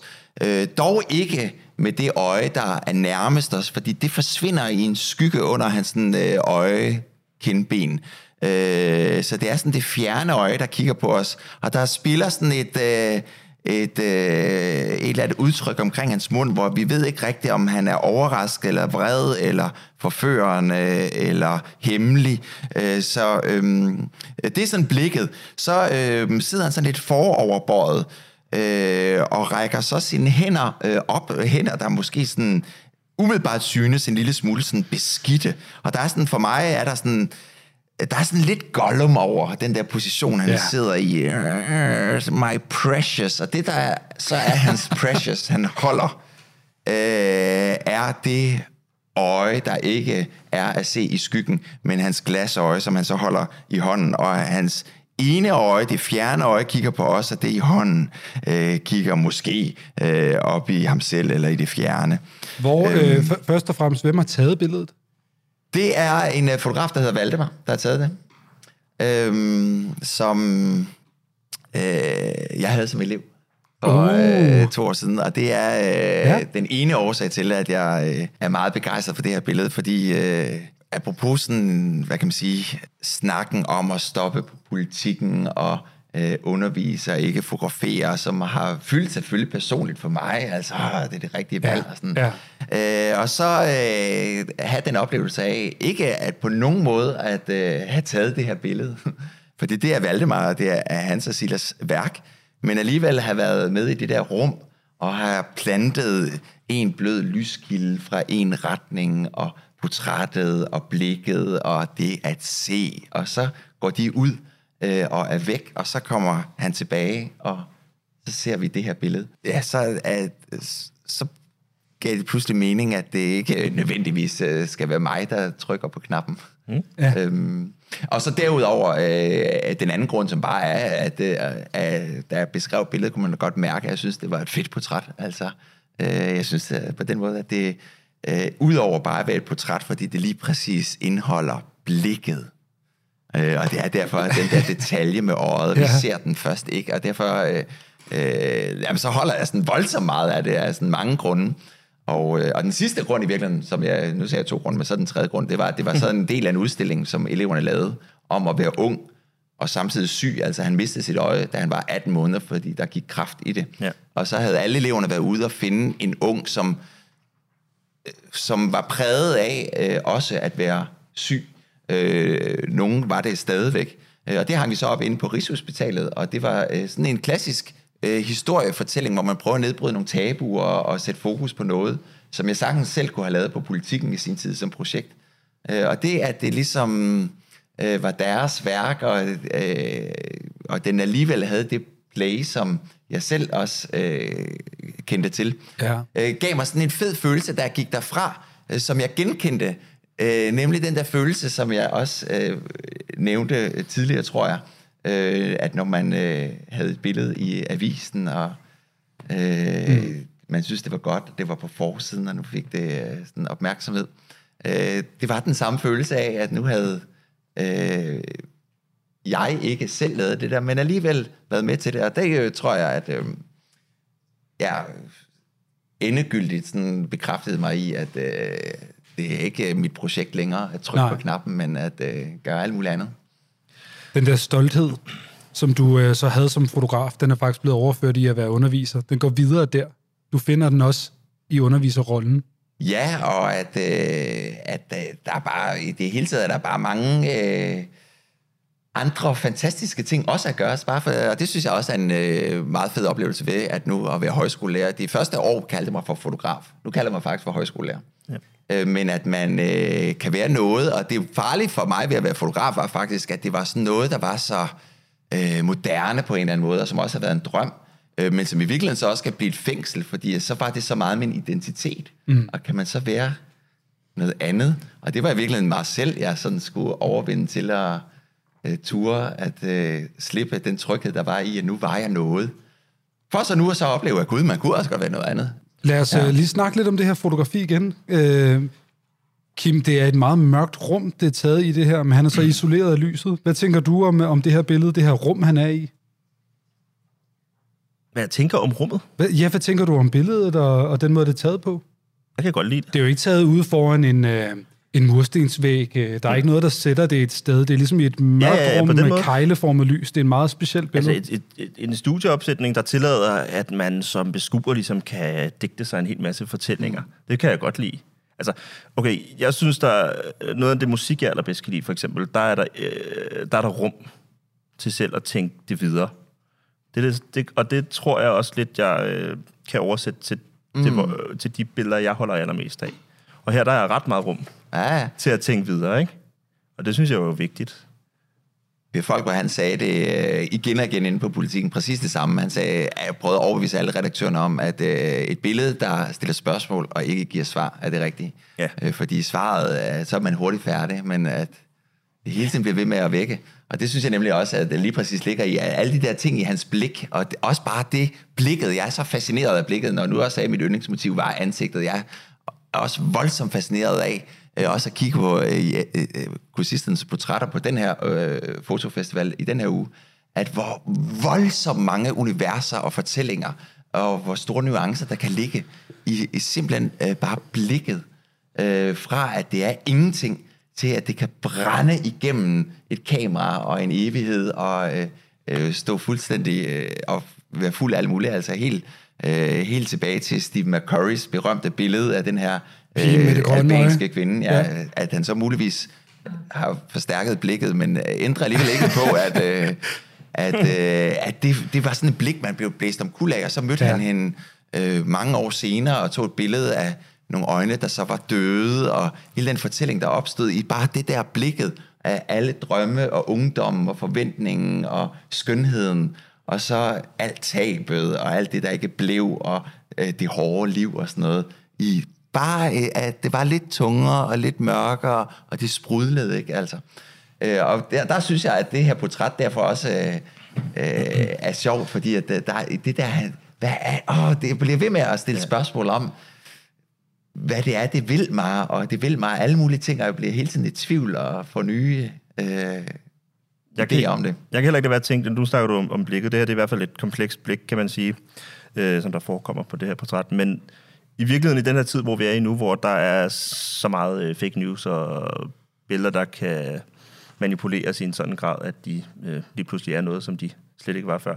Der er det altid øjnene, og det er det stadigvæk, der ligesom placerer de her manipu- manipulationer i den der, vi kalder den uncanny valley, hvis der er nogen, der kender til det, det til udtryk, så er det det her bizarre sted, som gør, at man øh, som beskuer ligesom tænker, hov, der er noget galt, det her, det er ikke øh, virkeligheden. Mm. Og det er øjnene.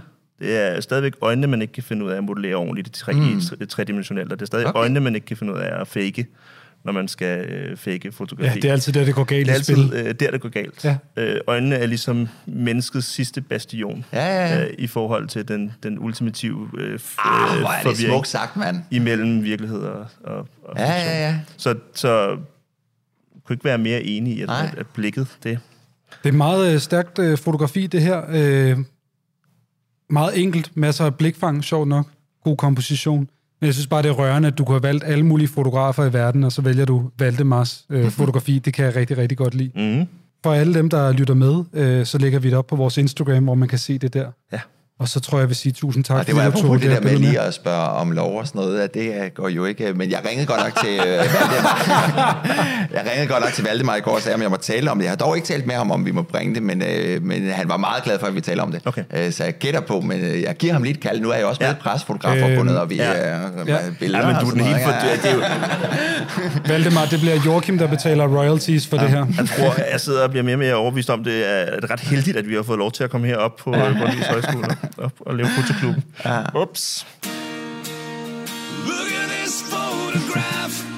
Og med det er vi videre. Ja, vi skal jo til øh, et brandnyt segment. Det er sådan, så vi har en masse afsnit i bagagen, som ikke er kommet ud endnu, men der er sket det for dem, der lytter med normalt, at øh, Kims top 3 er død. Det nåede at få 10 afsnit, hvor den levede. Så sagde Kim, nu skal vi brænde den ned, og den skal, noget nyt skal leve op. Og ud af det er der kommet Kims brevkasse. Ja, Jeg fik nyheden sidste gang, vi optog, om, at der var kommet et nyt segment, og at den jingle, jeg havde brugt så lang tid på at lave før, den var nu død også. ja. Så øh, Kim, jeg er meget spændt på det her øjeblik, der skal jeg, ske nu. jeg tror, jeg er mere spændt end dig, fordi du har lavet en, en ny jingle til mig. Ja, og øh, jeg må indrømme, øh, jeg sad og kunne vælge mellem at lave sådan noget... Øh, en sang, man kunne genkende. Måske skulle man tage noget Beatles, uh, Please Mr. Postman, eller Ja. ja. man kunne også taget Postman Per, bare med Postman Kim. Det er ret sjovt. Det er ret skægt, faktisk. Eller, eller er den lille kat øh, Kim. For det første, så ved jeg, at du godt kan lide Wu-Tang Clan. Ja, For det andet, så kan jeg ikke finde ud af at rappe. det okay. Så jeg tænkte, hvorfor ikke lave det? Er du klar til at høre din nye jingle? Jeg er meget klar. Er du? Nej, jeg er virkelig nervøs for det her. Men lad os prøve. Det handler om ikke at blive sagsøgt. Foto styr verden! B-R-E-V-K-A-S B-R-E-V-K-A-S Hey, du, Kim Katron. Vågn op tid til at din visdom Den kommer i spil, for folk har sendt ind En bunke spørgsmål, mens vi undgår savsmål Manden er vis, en vis mand Flækker hårde spørgsmål, jeg taler sandt Lige så nemt som sværeste jazz Gør dig selv en tjeneste, send ind til Hans B-R-E-V-K-A-S B-R-E-V-K-A-S B-R-E-V-K-A-S Fedt. ja, tak for den. Godt Hvor, hvor er lavet. I søde alle sammen. Godt Ja, lavet. Godt lavet. Det er så dårligt. Nej, det er så godt. Det er så godt. Men jeg sad på et eller andet tidspunkt altså, øh, i, i, i, sådan en koger efter at sidde med det der Yamaha-keyboard og prøve at lave trommerytmer, og så tænkte jeg bare sådan, nu gør jeg det så dårligt, at det bliver godt. Okay. Ja. Det er godt er det i hvert fald. Nå, men øh, det er tid til Kims brevkasse, hvor folk kan sende spørgsmål ind. Hvad ja. har du til os, Kim? Jeg har, øh, I dagens anledning, så har jeg taget et enkelt spørgsmål med, som folk har sendt til os. Og, og, og så bagefter, så skal vi øh, måske se, om vi kan switche lidt op, og det kan der være, der sidder en der, herude i salen, der har et spørgsmål. Men skal vi ikke lige tage det, som, øh, som der er blevet sendt ind til os af en lytter? Jo. Så kan øh, vi lege masser om monopolet. Men det er nemlig det, vi gør. Det er ikke bare det her det er ikke et segment, hvor jeg skal sidde helt alene og ikke slukke jeres mikrofoner og sådan noget. Det er slet ikke sådan, det går. Det er demokratisk, vi er alle sammen med på den. Okay? Yes, ja. bam. Jeg bestyrer ligesom bare brevkassen. Det er mig, der tager imod spørgsmål og udvælger dem. Øh, vi skrev ud til vores øh, lyttere, hvad kan vi hjælpe øh, jer med? Og vi fik blandt andet det her spørgsmål. Kommer vaccinen til at ødelægge mit fotografi? Og jeg tænker sådan, øh, ja, jeg vil, gerne, jeg vil godt lægge ud, for jeg går ud fra, at det er en, øh, altså, jeg går ud fra, at det er en fotograf. Hvad her. tror du, det betyder? Altså, hvad, at, at, at, at ens fotofinger bliver ødelagt, eller hvad? Nej, fordi jeg, tol- jeg, tolker det, jeg, tolker sådan, jeg tolker det sådan her, at der sidder en derude, som der har nyt rigtig godt af at tage billeder af mennesketomme landskaber. Mm. Ikke? Nu kommer der en vaccine, vi får lov til at gå ud og, og mødes med hinanden igen. Øh, hvad blev der af det, det, det stærke, tyske, konceptuelle fotografi? Det tomme strøg, den tomme fabrik, hvor arbejderne ikke længere må komme på arbejde. er det ødelagt? Modsat, hvis man er sådan en som dig, Joachim, der godt kan lide at tage billeder af mennesker, så bliver det i hvert fald ikke ødelagt. Ej, men øh, social afstand og det der med to meter har jo også fuldstændig alligevel ødelagt fotografiet og mødet øh, i den tid, det var. Ja. Til gengæld har pandemien gjort, at rigtig mange er begyndt at tage selvportrætter, fordi jeg er Det den eneste rigtigt. model, jeg har. Rigtigt, ja. Så kan det være, at man dykker ned i selvportrættets kunst. Øh, kære øh, lytter af Fotoklubben, jeg ved ikke, om øh, vaccinen ødelægger dit fotografi eller ej. Det kan være, at øh, fotofingeren bliver lidt slap i en periode. Øh, hvad siger du selv, Kim? Jamen, jeg var jo lidt inde på, at øh, ja, det gør det. Og det er jo med Og udgangspunkt... tak for i dag, alle sammen. Men det er jo fordi, jeg har tilladt mig at digte lidt om, hvem den her person er. Ikke? Ja. Det aner jeg ikke. Er det en rigtig person, der har spurgt om det her, Kim? Men vi holder den anonym, ikke også? Okay. Øh, ja, det kommer til at ødelægge dit fotografi, desværre. øh, det er vi kede af at være øh, budbringer i forhold til. Men det gør det. Menneskerne, de vil være derude igen. De vil stå i vejen. Du kan ikke længere tage det perfekte billede af Christiansborg, af Rundetårn. Der vil stå mennesker i vejen. De vil også forsøge at tage et billede. Du vil tage et billede af mennesker, der tager billeder.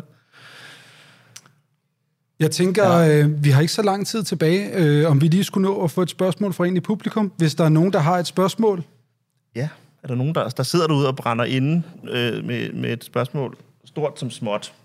Altså, det behøver ikke at være øh, funderet i en livskrise eller noget som helst. Det kan... Det kan er der nogen af jer, der har et spørgsmål? Nej. Det er også okay. ja, men det kan også være, at det dukker op, altså. Ja, ja. Det skal dukke op inden for de næste 15 minutter, fordi det er så lang tid, der er tilbage på SD-kortet. Ja. Men jeg tænker lidt, at det, der er et spørgsmål til Ja, fra en lytter. spændende. Lad Endnu os få en, det. endnu en anonym lytter. Jeg kan ret godt lide det her spørgsmål. Det bliver stillet ind af det her, men også til os, kan man sige. Hvorfor bliver jeg ved med at fotografere tildækkede køretøjer? Uha. Det spørgsmål kan jeg godt lide. Det er jo øh, tildækket køretøjer. Det er også et lækkert motiv. Det er jo sådan en klassisk øh, Robert Frank, ikke? Jo, jeg har næsten lyst til at sige til lytteren, du er ikke alene. Ja, det er der mange, der gør. Det har jeg godt nok også Det er vi gjort andre, der meget. praktiserer også på en eller anden øh, måde. Jeg ved det ikke, altså stoffer, stoffer der, der, der draperer. Ikke? Ja, men det der klassiske billede, som øh, Robert Frank ja, Ja, ja. har ja. lavet i The Americans, nede fra, øh, jeg tror det er Venice, sort-hvid billede af en tildækket bil, hvor den ligesom er det der klæde over, ikke? Mm. Og så kan alle vi andre gå rundt og lave det billede 20 millioner gange, igen og igen og igen, ikke? Det er også fordi, at folk, der tildækker deres biler, har gode biler. Tænker jeg. Altså, det er aldrig hvilken som helst bil, der står øh, tildækket. Ja, jeg, jeg tror, jeg synes, det er et godt motiv, fordi det er netop sådan, det bliver bare til en form, i stedet for det bliver bare til sådan en blob. Mm. Og så siger det jo selvfølgelig også noget om, hvor, øh, hvor forfængelige vi er, ikke? Det her med, at vi passer på vores biler på den der måde, ikke? Jo. Bilen bliver også lige pludselig meget tidsløs, og det er den jo ellers overhovedet ikke, vel? Altså det eneste, der bare slår mig, det er, jeg, jeg ved ikke, hvornår jeg sidst har set en for, øh, tildækket bil. Altså hvor opstod de der biler henne? Altså, vi, Jamen, i, Venne, i Venice i øh, 70'erne. I Venice. ja. Altså nok ikke i Hillerød, måske aldrig skal du med. mig som sådan et oplagt motiv. Har du aldrig taget et billede af- Jeg har aldrig taget et billede af en tildækket øh, bil. Hvor mange her har taget et billede af en tildækket bil? Ja, prøv at se. Ah, okay, der er alligevel det der. Okay. Den må jeg give, altså. Ja, ja. Nå, okay. Og, og, og hvis vi lige lægger mærke til det, så er det køretøjer, så den er endnu bredere. Der sidder garanteret også nogen, der har taget et billede af en tildækket trehjulet cykel. Mm. Måske. Det er sådan, det er Eccleston blandet med... Øh, Øh, kunne det ikke tænkes, at, øh, at hvis man endelig har stjålet en bil, og så tildækker den folk, den skal blive stjålet tilbage igen? Det er jo smart. Altså Okay. for ligesom at begrænse tiden, hvor i den vil kunne blive opdaget. Ja, altså nu har man gjort så den ulejlighed at stjæle bilen, ja. og så kunne man jo risikere, at den bliver stjålet. ja. Ja, det Derfor tildækker man den. Så til jer derude, der stjæler biler, lyt med her. Vi har fået et lille tip fra en af vores publikummer. Vi er virkelig ramt sådan, øh, en interesse over det, kan jeg godt mærke. Ja, ja. Nå, det kan godt tænkes. ja, det, ja. Eller hentyder du er lige frem til, at, Ja. at, at, at spørgsmåls, øh, hvad hedder det, stilleren er tyv? Nej, nej, det lader den ikke. Øhm, Jeg kan godt forstå fascinationen af de tildækkede biler. men jeg vil, jeg vil, ja, jeg vil sige, uh, Anders Petersen, jeg tror, det var Anders Petersen, der ligesom sagde, at, uh, at man... Uh, jeg quoter Anders Petersen meget for ting, har lagt til det. Ja. Så, så kan det være, at han har sagt det eller ej, det ved jeg ikke. Men Nej. jeg tror, han har sagt, at man har øh, syv motiver, eller sådan noget i den stil, som man gentager igen og igen og igen. Så lige pludselig så opdager du sådan, ah, jeg har det der billede af kvinde med sort kat, Mm. og nu bliver jeg ved med at tage variationer af det igen Mm. og igen og igen, ikke? Jo, så det kan vi måske sige til lytteren. Det er bare et af dine motiver. Ja, det er et af dine syv motiver, som du gentager igen og igen, og så må du finde ud af at komme ud af det der Groundhog Day helvede, du er i. Ja, for det er du. Jeg håber, Øhm. du blev øh, klogere af den grund. Det værste er faktisk, hvis man begynder at lægge mærke til, at alle ens billeder øh, har de samme linjer, altså på tværs af motiver. Den opdagede jeg ved, ved mig selv for nogle år tilbage. altså, hvad, din horisont var altid skæv? Det var, den, så, det var den ikke, men altså, at der var nogle linjer, man altid kunne tegne ind i mine motiver. Sådan fuldstændig uagtet, om jeg havde taget billeder af en baby eller en bygning. Altså, det var åndssvagt. Har I ikke prøvet det? Don't do it. Lad være at gøre det. Altså, jeg, kan, jeg kan ikke anbefale det. Man bliver fuldstændig meget sådan, øh, bevidst om, hvor, hvor, hvor meget et mønster øh, menneske man er. Eller det hedder det ikke mønstermenneske, det er noget andet. Men øh, ja, ja. Har du ikke Ja, motiver, du gentager, Nej, Joachim? men vi har jo et sprog, og, øh, mener jeg, når Mhm. mm-hmm. at vi fotograferer, øh, og, og, og noget personlighed og sådan, og på den måde giver det jo god mening, at, øh, at man kan genkende mennesket øh, på øh, fotografierne. Altså, øh, når man, jeg kigger på politikken, så kan jeg øh, meget ofte se, hvem der har taget billederne, uden at se byline, fordi det er så tydeligt, øh, den personlighed, som man kender, der afspejler sig ja. I fotografiet. Og i virkeligheden også en styrke, synes jeg, øh, ofte, især også hvis man øh, vil markere sig som fotograf, at man øh, sætter sit meget tydelige fingeraftryk. Derfor tænker jeg ikke, det nødvendigvis er skidt, at øh, der skal måske være lidt orden i din verden, og du ser øh, har en kærlighed for, at øh, der der skal være nogle linjer, der hjælper og sådan noget. Det skal ikke være kaos og sådan. Nej.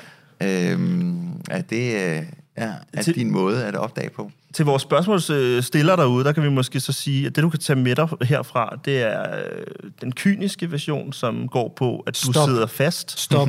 Øh, dagene gentager sig. Det er slut. Du er Bill Murray i en legendarisk film, men, men du bør ikke være det.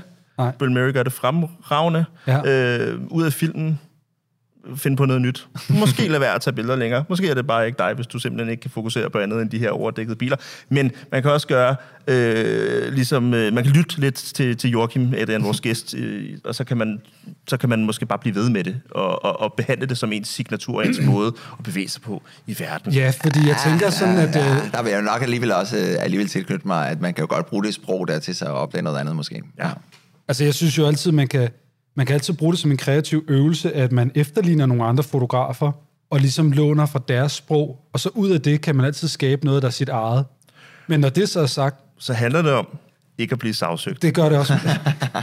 Men det her billede af Robert Frank er jo også bare sådan et, der er så ikonisk, så jeg tænker, det er nærmest svært at lave sit eget ud af det, ikke? Altså, hvis man går rundt og tager billeder af tildækkede biler, det er svært at lave det til sit eget, fordi det ejer han godt nok. Ja, nu taler du om, at, der, at vi befinder os i en, i en verden med, hvad hedder det, et begrænset antal motiver. Det er en kæmpe snak. Skal vi øh, lukke øh, brevkassen Men her? vi talte faktisk om den øh, netop øh, øh, til frokost i dag også, øhm, så øh, det er en kæmpe snak. Ja, så lad os bare lukke den. Vi tager den over en frokost. Ja. Der er et spørgsmål. Det kan så tror du skal op til mikrofonen, lød jeg mig fortælle. Var det ikke rigtigt? Vi at du har, skal lige komme vi her? har otte minutter, og vi skal også have en anbefaling af Joachim. Ja, ja, men så gør vi... Ah, men altså, ja. det kan jeg altså godt lide. Det kan jeg godt lide. Øh, Christian, det bliver den her over. Ja, øh, vi har Malte, der har et øh, spørgsmål til os. Ja, et meget, meget kort uh, spørgsmål, lidt i forlængelse af det første uh, spørgsmål. Jeg vil bare høre, ved I, om Peter Lick han har taget et billede af coronavirus endnu? Og hvis ikke, hvad laver han så? Oj, prøv, at høre- prøv at høre her. Altså, der er, sket, der er sket det fantastiske, at der er begyndt at dukke øh, videoer op på Peter Licks YouTube-kanal igen. Det, kan vi, det er det første, vi kan afsløre Ja, her. men de er 10 år gamle. Men de er 10 år gamle, det er det næste, vi kan afsløre. Så vi ved simpelthen ikke, hvad der sker i Peter Licks verden. Nej. Vi ved det ikke, fordi Nej. at det, det timestampet er forkert. Altså, vi, vi, der bliver lagt nye ting op, men de er tydeligvis meget gamle. Jeg tror, det vi skal gøre øh, i næste afsnit, det er, at vi skal ringe til Peter Lick Gallery Ja. og tage en snak med ham. Det kunne godt være. Vi har faktisk, øh, det, det kan vi afsløre, vi har, vi, vi har længe overvejet, hvordan vi får fat på Peter Lick. Vi vil gerne øh, give ham muligheden for at udtale sig. Ja, men han, er- han er jo den mest sjældne Pokémon. Ja, det er han. Ham Han fanger er, vi aldrig. Han er helt særlig. Tusind tak for det spørgsmål, Nej, det var ikke, du klogere? Nej, nej, fordi vi fik slet ikke svaret på det. Det var, om Peter Lick han havde taget et, øh, et billede af coronavirus helt tæt på. Det vil være meget øh, ul, altså, ulig ham. Han kan jo godt lide store landskaber, store dramatiske landskaber. Her der vil han skulle bruge makrolinser og mikroskoper og helt ind i det. Resultatet kunne jo ende med at være meget interessant, fordi de der makrobilleder har det jo med mm. også til sidst at ligne øh, øh, det, som vi ser, når vi zoomer ud. Ikke? Det hele hænger sammen, ikke? På en eller anden måde. En ting er sikkert, han vil skrue rigtig meget op for HDR. Ja. Hvis man er totalt forvirret nu, øh, enten derude eller her i salen over, hvem der er, vi snakker om, så skal vi nok øh, sørge for at lave en opfølger på vores Instagram eller sådan noget, for Peter Lick, han er en særlig skikkelse. Man skal ja. bare google Peter Lick, og så afsætte to uger til det. Ja. Okay. Nå, der kan jeg godt mærke, at jeg er lidt ny i klubben, faktisk. ja, det bliver lidt internt nogle Du gange. kommer til at takke os. Tak for spørgsmålet. E B-R-E-V-K-A-S B-R-E-V-K-A-S B-R-E-V-K-A-S. Tak for den nye jingle. Jamen, det var så lidt, Kim. Jeg håber, du bliver glad for den, og ellers så laver jeg gerne en ny en, og en ny en, og en ny Jeg dræber en. bare segmentet med det samme, og så kan du få lov igen. Nej, den er, den er god, den er dejlig. Øh, kære publikum, vi er ved at være ved vejs ende her i Fotoklubben. Øh, Joachim spurgte os, før vi startede, kan vi måske, øh, skal vi måske bare lave det på en time? og det lykkes aldrig. Men øh, før vi slu- slukker programmet helt og øh, siger tak for i dag her på Grundvis Højskole, så har vi bedt dig om at tage en anbefaling med øh, til vores lyttere og til publikum her. Det kan være ring til din mor, Din far, læs en bog. læs en avis. Hvad har du med til os, Joachim Adrian? Jeg har med, at... Øhm, Læs en avis. ja. det er også en god anbefaling. Der er mange gode. Men øh, jeg vil sige, hvis man er fotograf, som jeg vil formode mange af klubben her øh, er, øh, så skal man på et eller andet tidspunkt i sin øh, tid øh, give sig den gave at øh, opleve det, jeg vil kalde for det fotografiske fænomen. Man skal på et eller andet tidspunkt finde et værelse, som har et vindue i den ene side og en hvid væg i den anden side. Så skal man mørklægge det fuldstændig og putte plastik for vinduet, og så skal man prikke med sin øh, kuglepen et hul i plastikket. Og så skal mm. man sætte sig ned og kigge op på væggen. Og først så vil man ikke se noget, og der vil bare være helt mørkt. Men altså, øh, lidt ligesom øh, Agent Cooper siger i øh, Twin Peaks, nothing is what it seems. Uh. Og øjnene lyver jo, fordi man sidder og ser noget, man ved det bare ikke endnu. Og lige pludselig så vil man opdage måske øh, et monster, måske øh, et, et øh, hul, eller måske et kors. Det vil så flytte sig til, at det muligvis bliver et- til et træ, måske til en bygning. Det er stadigvæk sort-hvid, der begynder at komme lidt farve, og pludselig vil man opdage, at man kigger på sin udsigt, som man kender. Øh, og så alligevel ikke, fordi den vender på hovedet derinde. Øh, og den er også mørk, og den er dyster, og den er øh, lige præcis det, som fotografiet er, nemlig et alternativ til den virkelighed, man troede, man kendte. En anden virkelighed, eller en parallel virkelighed, eller sådan en vrang. Man tager virkeligheden, som var den, der var sol på, og som man genkender. Og så i fotografiet, så bliver vrangen vendt ud, og mørket træder frem. Øh, og det synes jeg, øh, også, øh, og det kaldes kamera obscura, øh, fordi det var sådan noget, man kunne gøre på markedspladser også, fordi at der folk først opdager det, så wow, det er magi, og det er magi. Øh, Og det er også, øh, når vi er tilbage til der, hvor jeg sagde i starten, at det, øh, vi har fat i noget, øh, noget, der er meget større end bare øh, fotografi, og noget, man kan putte i avisen, og et, et medie, vi kan fortælle historier med. Men øh, i det rum der, hvor at med fotografi, der er lys, men for at vi har fotografiet, så skal lyset fanges og isoleres i mørket. Og øh, den tilknytning, fotografiet har til mørket og til øh, det onde og til bagsiden øh, og øh, det hvide og det sorte og sådan, øh, er sådan øh, øh, jo øh, langt ud over bare at være øh, et medie, men handler om noget, der er voldsomt stort. Og der, når man bygger det der kamera obscura, så sidder man inde i det, og man sidder ikke i den virkelighed, vi kender øh, og stoler på for vores øjne, som jo også er en løgn, vil jeg mene. Men man sidder inde i det der så fotografiet, som er et andet bud på virkeligheden, og, og sandheden svæver øh, fuldstændig frit mellem de to. Men er at træde derind, og når jeg så også siger vrangsiden, så er det jeg, det minder mig lidt om, når jeg går derind, lidt som ideen i den her uh, Stranger Things, af at vi har den virkelighed, vi er i, men øh, det er ikke sådan en parallel verdener, men vi bærer hele tiden også mørket i os, og ondskaben. Øh, også bare sådan med, med reference til Jan Graups ar- arbejde, der sådan hele tiden skal minde os om, hvad mennesker kan finde på. Øh, og der er så mange ting i det, som opstår, oj, oj, oj, når du sætter dig øh, inde i fotografiet, og det øh, er en, øh, ja, det er en meget, meget smuk oplevelse, og øh, ja, jeg kan faktisk godt nogle gange, øh, lige når det træder frem, det der billede begynder at tude derinde, altså. Tusind tak for alle de lydbider, vi lige fik til vores næste intro. Joachim Adrian. øhm, tiden er simpelthen ved at løbe ud for vores øh, SD-kort, så jeg bliver nødt til at lukke den ned her og sige tak for den anbefaling. Lav et kamera på skure. Sæt et dig ind i det. pinhole. Ja. Sæt dig ind i det. Kig på ulerne. Ulerne er ikke, hvad de er. Lige præcis. Øhm, og øh, ellers så vil jeg anbefale, især hvis man er ung og gerne vil gå på højskole, så tag herop og øh, snak med Joachim Adrian. Det bliver vildt. Det er noget med at gå ud og sejle lidt først, og brække sig ud af reglingen, og drikke noget rom, og... Ja, og man behøver heller ikke være ung i øvrigt. eller, eller nøgen. Eller nøgen. Vel? Hvad siger man du? må, godt, man, må, man må godt have tøj på. Ja, ja, nej, men det der, det er jeg blevet vokset fra, skulle jeg hilse at sige. Kim, øh, Øhm, ja. Kim, jeg vil gerne takke dig for at være min medvært. Tak, Christian. Og så vil jeg er gerne sige dejligt. mange tak til publikum, fordi I gad at sidde her med her i to timer. Det har været en fornøjelse at have jer med. Ja, det er fedt. Så mange tak for det. Håber, I har en god festival.